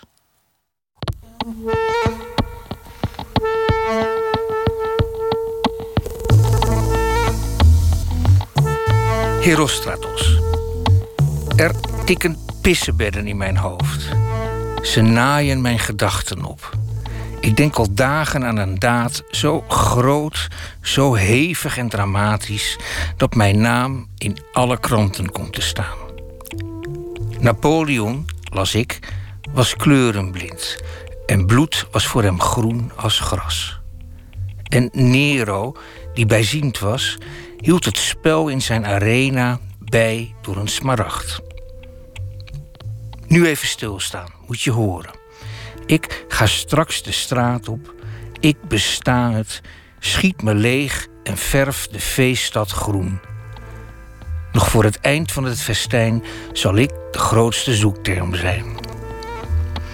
Dit gedicht is het uh, gedicht waar, waarmee ik mijn uh, laatste bundel slordig met geluk opende. En dat deed ik omdat het een in mijn ogen wel geslaagd gedicht is.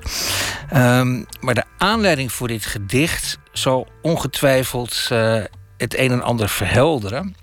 Alleen al de titel, Herostratos, dat is de naam geweest van een man die in het oude Griekenland, in het Griekenland uit de oudheid, uh, een van de zeven toenmalige wereldwonderen, namelijk de Tempel van Artemis, in de fik stak. En toen deze man gevraagd was waarom hij in godsnaam zo'n prachtige tempel tot de as liet afbranden, vertelde deze man opdat men zich mijn naam zal herinneren. En als je nu kijkt in encyclopedieën, dan zie je nog altijd dat de naam Herostratos uh, vermeld wordt. Terwijl het juist de bedoeling was dat deze naam nooit, maar dan ook nooit meer uh, genoemd zou worden. Uiteindelijk publiceerde ik dit gedicht als stadsdichter van Amsterdam. Ik geloof in 2013, aan de vooravond van de kroning van Willem-Alexander. En uh, nou, ik wil niet zozeer zeggen dat ik een stille hoop had dat er iets ongeregelds gebeurde. Maar toen ik met dit gedicht bezig was, had ik me wel hevig zitten verdiepen in Karst T. Nou, toch ook iemand wiens naam we ons kunnen herinneren. Uiteindelijk is het maar goed geweest dat er helemaal geen enkele ongeregeldheid uh, is geweest. Maar toch was, was er wel een spanning. En ja, dit gedicht gaat over een eenzame wolf die een wanhoopsdaad of die een gruwelijke daad uh, beraamt, uh, opdat men zich zijn naam zal herinneren. En misschien is het aardig om het gedicht nu nog een keer voor te lezen. Herostratos. Er tikken pissenbedden in mijn hoofd. Ze naaien mijn gedachten op.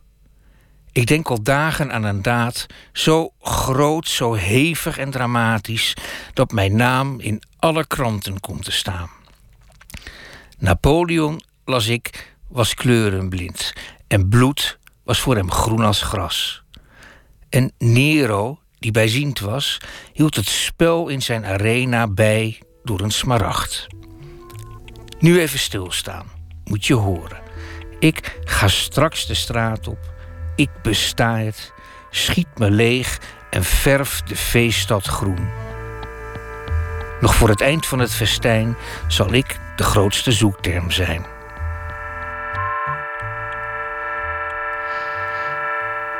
Herostratos heet het gedicht dat Menno Wigman hier voorlas. Ik vertel u nog iets over morgen, want dan komt acteur Guy Clemens langs.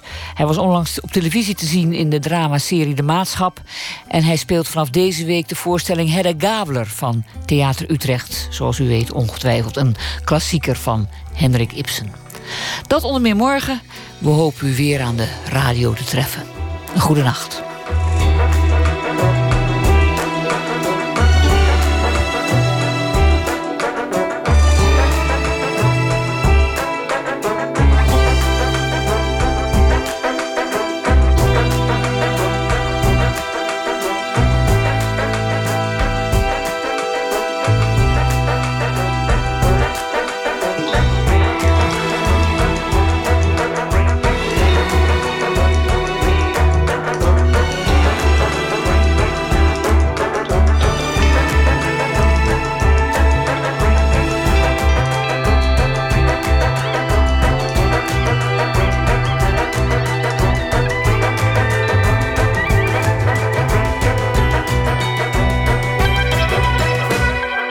Radio 1. Het nieuws van alle kanten.